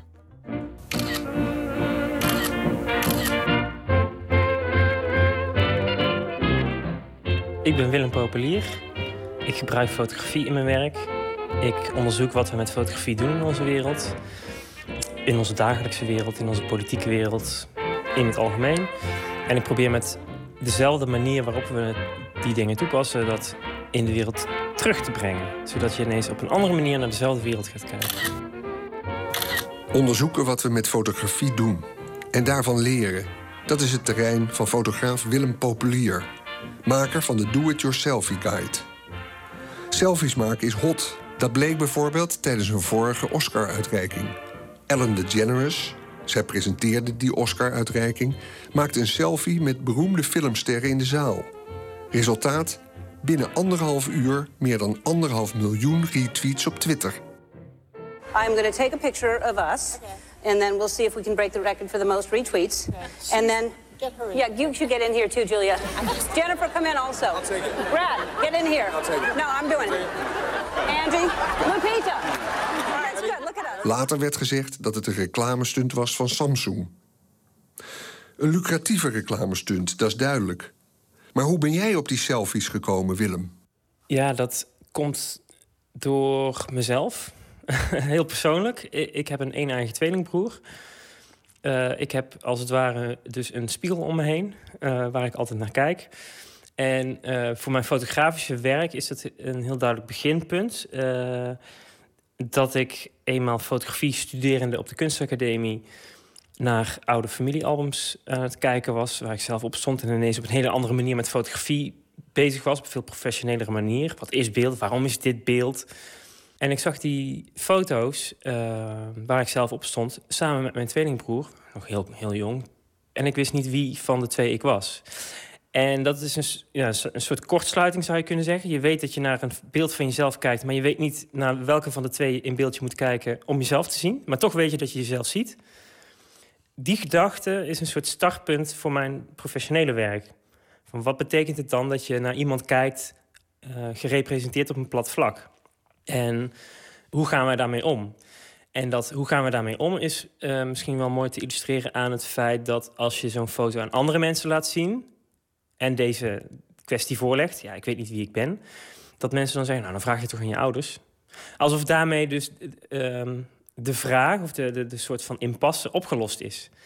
Ehm, dan gaat iemand zeggen, nou jij bent het linkerkind bij, bij- bijvoorbeeld. Maar daarmee los je niks op. Wij denken dan, oh, dan, dan is het klaar, dan is het, probleem is opgelost. Je wijst naar, die, naar dat linkerkind en niemand zeurt meer ergens over. Ehm, en die constructie van, ja, maar dan vraag je toch aan een ander... en dan is bij wijze van spreken het probleem opgelost. Dat vind ik zo interessant. Waarom zijn we zo geconditioneerd met plat beeld... waar wij een realiteit in zien? En dus waar we onszelf in zien. Die kortsluiting was een, een vrolijk soort kortsluiting. Je belandde niet bij de psychiater, maar je ging van de weeromstuit beter kijken en je afvragen: wat doet het er eigenlijk toe? Ja, sowieso vrolijk. Het is niet dat ik dan bij de pakken neer zit. Oh, ik weet niet wie ik in beeld ben.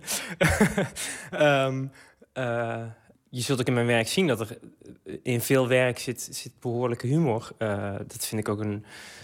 Humor werkt heel goed.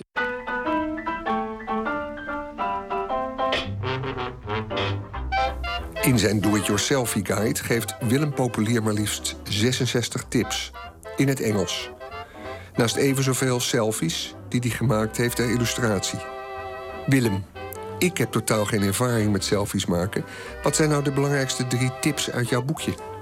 Les 1 is ehm, don't confuse selfie with self-centered. Oftewel, eh, wees niet te narcistisch. En dat vind ik een prachtig regel. Eh, omdat veel mensen denken, zodra je een foto van jezelf aan het maken bent... dan ben je narcistisch en dan ben je alleen maar eh, egocentrisch. Als jij met selfies weet te spelen en een, en een, een mooi beeldend verhaal weet op te bouwen om je heen met jezelf in beeld, dan denk ik dat je hartstikke goed bezig bent.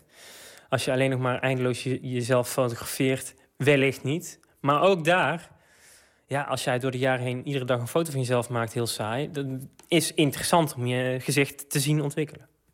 Dus? Je hoeft je niet schuldig te voelen van, oh jee, ik maak nu een foto van mezelf. Oh, wat ben ik een ijdele, wat ben ik een ijdele narcist. Want dat hoef je helemaal niet te zijn. Ik heb nog nooit gezien eh, dat iemand eh, bewezen heeft dat iemand die een foto van zichzelf maakt een, eh, een ijdele narcist is. Heerlijke geruststelling. Tip 2. Eh, oefen en oefen veel. En heb geduld. Als jij ehm, voor het eerst een foto maakt, dan, ja, dan, dan is het allemaal een beetje knullig misschien. Als je er heel veel hebt gemaakt, dan gaat het allemaal een stuk makkelijker. Hoef je er niet meer over na te denken. En zie je er misschien nog een stuk spontaner uit ook... dan dat je er nog heel nerveus uitziet van... ik maak nu een keer een foto van mezelf.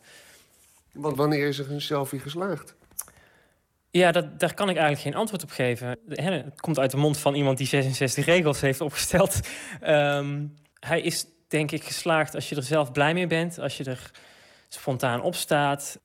Als het een beeld is waar jij eh fijne herinnering bij hebt, bijvoorbeeld. Dit is allemaal wat ik nu even invul, natuurlijk.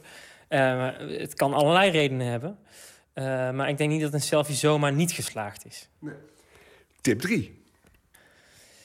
Je gezicht is, is het middelpunt, niet per se andere lichaamsdelen. En eh, dat zeg ik met eh, eh, de wetenschap dat er ook veel mensen zijn die, en dit is met name, zou je denken, jonge, jonge meisjes, maar ook jonge jongens, tieners, pubers. Maar toch zeker ook wel, sta er niet gek van te kijken als er ook vrouwen en mannen van, van in de 40 bijvoorbeeld, ik noem maar wat, half naakte foto's van hun heup en weet ik veel wat allemaal maken. Om maar te laten zien hoe, eh, hoe bij de tijd ze nog zijn. Of hoe jong ze er nog uitzien, bijvoorbeeld. Eh, dat kan erg pijnlijk worden. De definitie van een selfie is een foto die je van jezelf hebt gemaakt. En deelt eh, op social media of online. Ik denk niet dat naakte lichaamsdelen nou per se geschikt zijn voor andere mensen. Of dat jij jouw privacy zou willen schenden daarmee. Oké, Willem. Geen edele delen dus. Alleen mijn hoofd. Goeie lessen. Aan de slag nu. Geloof het of niet, ik heb nog nooit een selfie gemaakt. Hoe begin ik? Nou ja, je gaat naar je camera. Jij begint nu te prutsen. Ik heb nu de iPhone 4. Ik- Niet de aller... Perfect. Niet de allerhipste. Nee, dat maakt ook helemaal niet uit. Ik eh, schakel nu in. Ik ga dan altijd naar Camera. camera. Ik zie nu...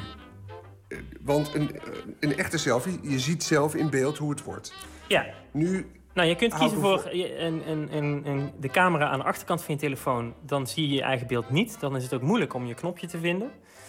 Eh, dat kan wel, maar je hebt geen idee hoe je op de foto komt. Nee, want ik wil mezelf zien nu. In nou, je kunt je camera. omdraaien, als het ware. Dus dan, dan kies je de camera aan de voorkant van je telefoon. En dat bereik ik door hier op het, het rechter, Dat omdraaicamera-knopje, eh, althans... een- boven, rechtsboven in beeld.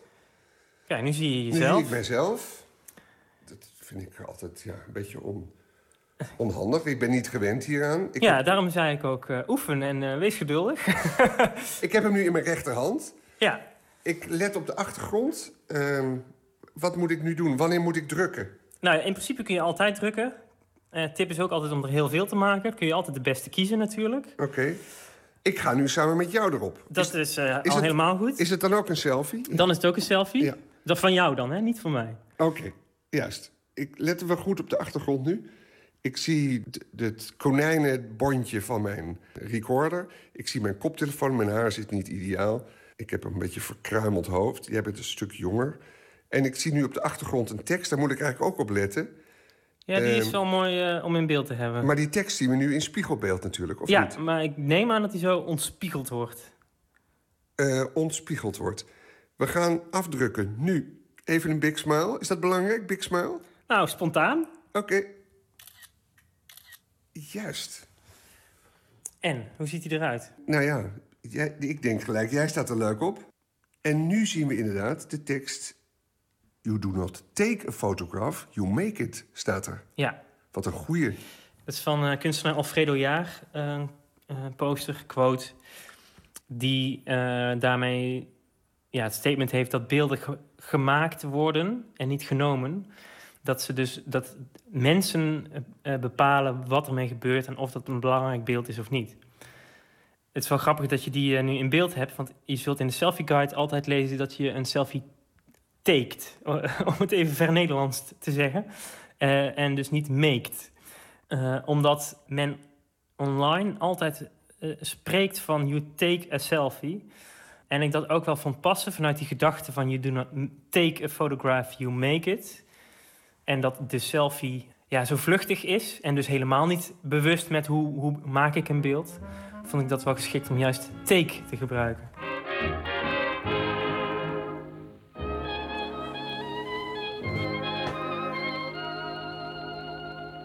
Anton de Goede leerde de fijne kneepjes van de selfie van fotograaf Willem Populier, maker van de Do It Yourselfie Guide. En die is eh, uitgegeven bij Bies Publishers in Amsterdam. Eerlijk gezegd nog nooit van gehoord, met Harlan. Maar eh, we werden erop patent gemaakt door een luisteraar. Hij komt uit Texas, singer-songwriter. Hij heeft een eh, getiteld album dat heet Tips and Compliments. Toepasselijk in dit geval. Het nummer heet Walter.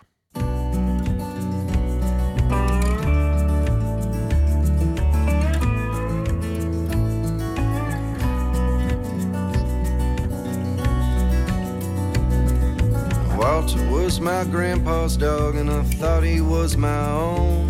He used to chase the herd of Barbado we kept outside my grandpa's home. I'd join him, and we'd holler at the ghost moon till it shone. Just a rolling in the dirt, or running wild in San Antone. Back then I couldn't drive away, I'd run, or dream I'd fly away. To find the road back home. I thought Walter, he was leading me those days beneath the live oak trees, but he was only chasing rabbits, and I did it on my own, singing a lee la lee. La, lie, sometimes it takes you by surprise the time it takes to write a simple song. Just sifting through the sands of time like souvenirs you've left behind. Can't always decide what you remember.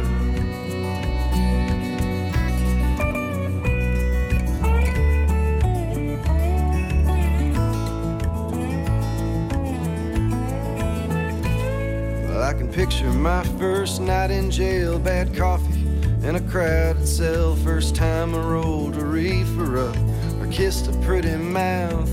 Yeah, but sitting here with all my thoughts of all I've won and all I've lost, I can't recall a day we put old Walter in the ground, singing lee la.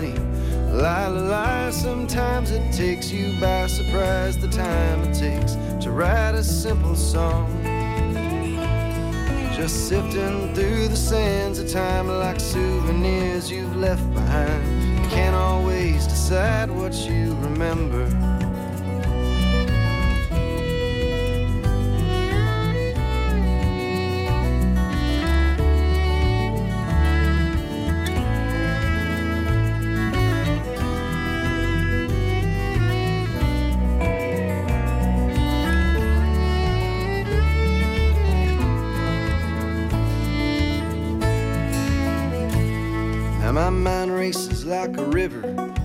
Creek beds and the lime. And I'm seeking out these memories I guess I left too far behind. Swear I saw that old gray dog just a sniffing at the ground. Around that birch tree in my grandpa's yard, right where we laid him down. Singing lee la la lie. Sometimes it takes you by surprise the time it takes to write a simple song. Sifting through the sands of time like souvenirs you've left behind. You can't always decide what you remember. Oh, you can't always decide what you remember.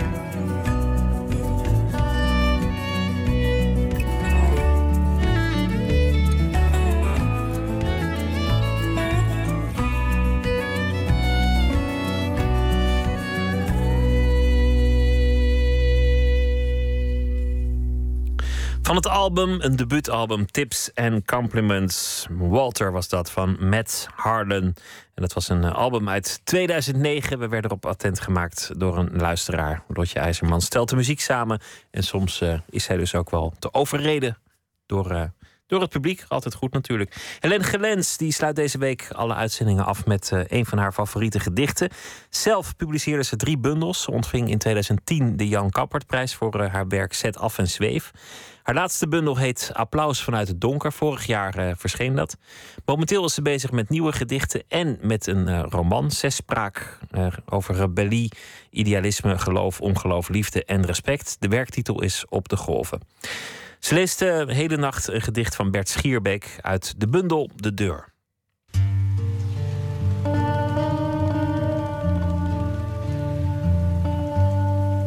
Heeft u wel eens gehuild bij het lezen van een gedicht? Is mij één keer overkomen. En dat is het gedicht dat ik dadelijk ga lezen van Bert Schierbeek. Ik lag op bed met hoge koorts, te midden van een berg dichtbundels. En totaal onverwacht, nog nooit was het eerder voorgekomen... moest ik plotseling om een gedicht waarvan ik eigenlijk dacht dat ik zou moeten lachen, huilen. Uh, Bert Schierbeek schreef het gedicht na de dood van zijn vrouw. Het is een heel direct gedicht. En uh, nou ja, ik kan denk beter voorlezen. Het is uit 1972, uit de deur. Maar we zouden niet vergeten dat we hebben gelachen. Gelachen hebben we veel en dat zal ik niet vergeten. Want we hebben gelachen en veel. Hè? En dat zullen we nooit vergeten omdat we zoveel gelachen hebben. En dat niet vergeten, GVD, wat hebben we gelachen. En niet en nooit vergeten dat we zo hebben gelachen omdat we samen waren. En zoveel gelachen hebben dat we het nooit zullen vergeten. Helene Gelens was dat met een uh, gedicht van Bert Schierbeek. Morgen zal ze weer een gedicht voordragen in Nooit meer slapen. Het is deze week een uh, spannende week voor uh, Griekenland. Elke keer uitstel van executie of toch weer niet. Of toch weer wel. Kortom, komen ze er nou uit of niet? Constructief was het laatste bericht. Het boek dat onlangs verscheen, Economie zoals uitgelegd aan zijn dochter... van de Griekse minister van Financiën Varoufakis... dat is vertaald en Noortje Pelgrim is oud-correspondent in Athene en die deed dat. Ze vertaalde ook uh, verschillende boeken van andere beroemde Griekse schrijvers. En zij komt uh, morgen langs om daarover te praten. Onder meer over de boeken van Petros Markaris. Over de beroemde commissaris Kostas Charitos. Een waar fenomeen in de Griekse literatuur. Een detectieve is dat. Tegen de achtergrond van een Griekse samenleving onder druk en met alle ontwikkelingen en narigheid van de laatste jaren. Ze is een kenner van het land en een kenner van de literatuur. En ze volgt ook het uh, nieuws op de voet. Dat is uh, morgen in Nooit meer slapen. Gaan we het ook hebben over uh, de film Banana Pancakes and the Children of Sticky Rice. Daarmee maakte Daan Veldhuizen een fascinerend portret over de paradox van het backpacken. En voor de blonde, neger en andere portretten een bundel uit Jozef Roods journalistieke stukken, samengesteld door Els Snik. En uh, zoals we vaker bij Rood doen ze nog steeds bewogen en actueel aan. We gaan het ook hebben daarover met de voorzitter van het Vlaams-Nederlandse Jozef Rood Genootschap. Dat allemaal morgen in Nooit meer slapen. Voor nu een hele goede nacht en uh, morgen weer een leuke dag. En ik uh, hoop dat u morgen weer zult luisteren. Zometeen BNL. Een goede nacht.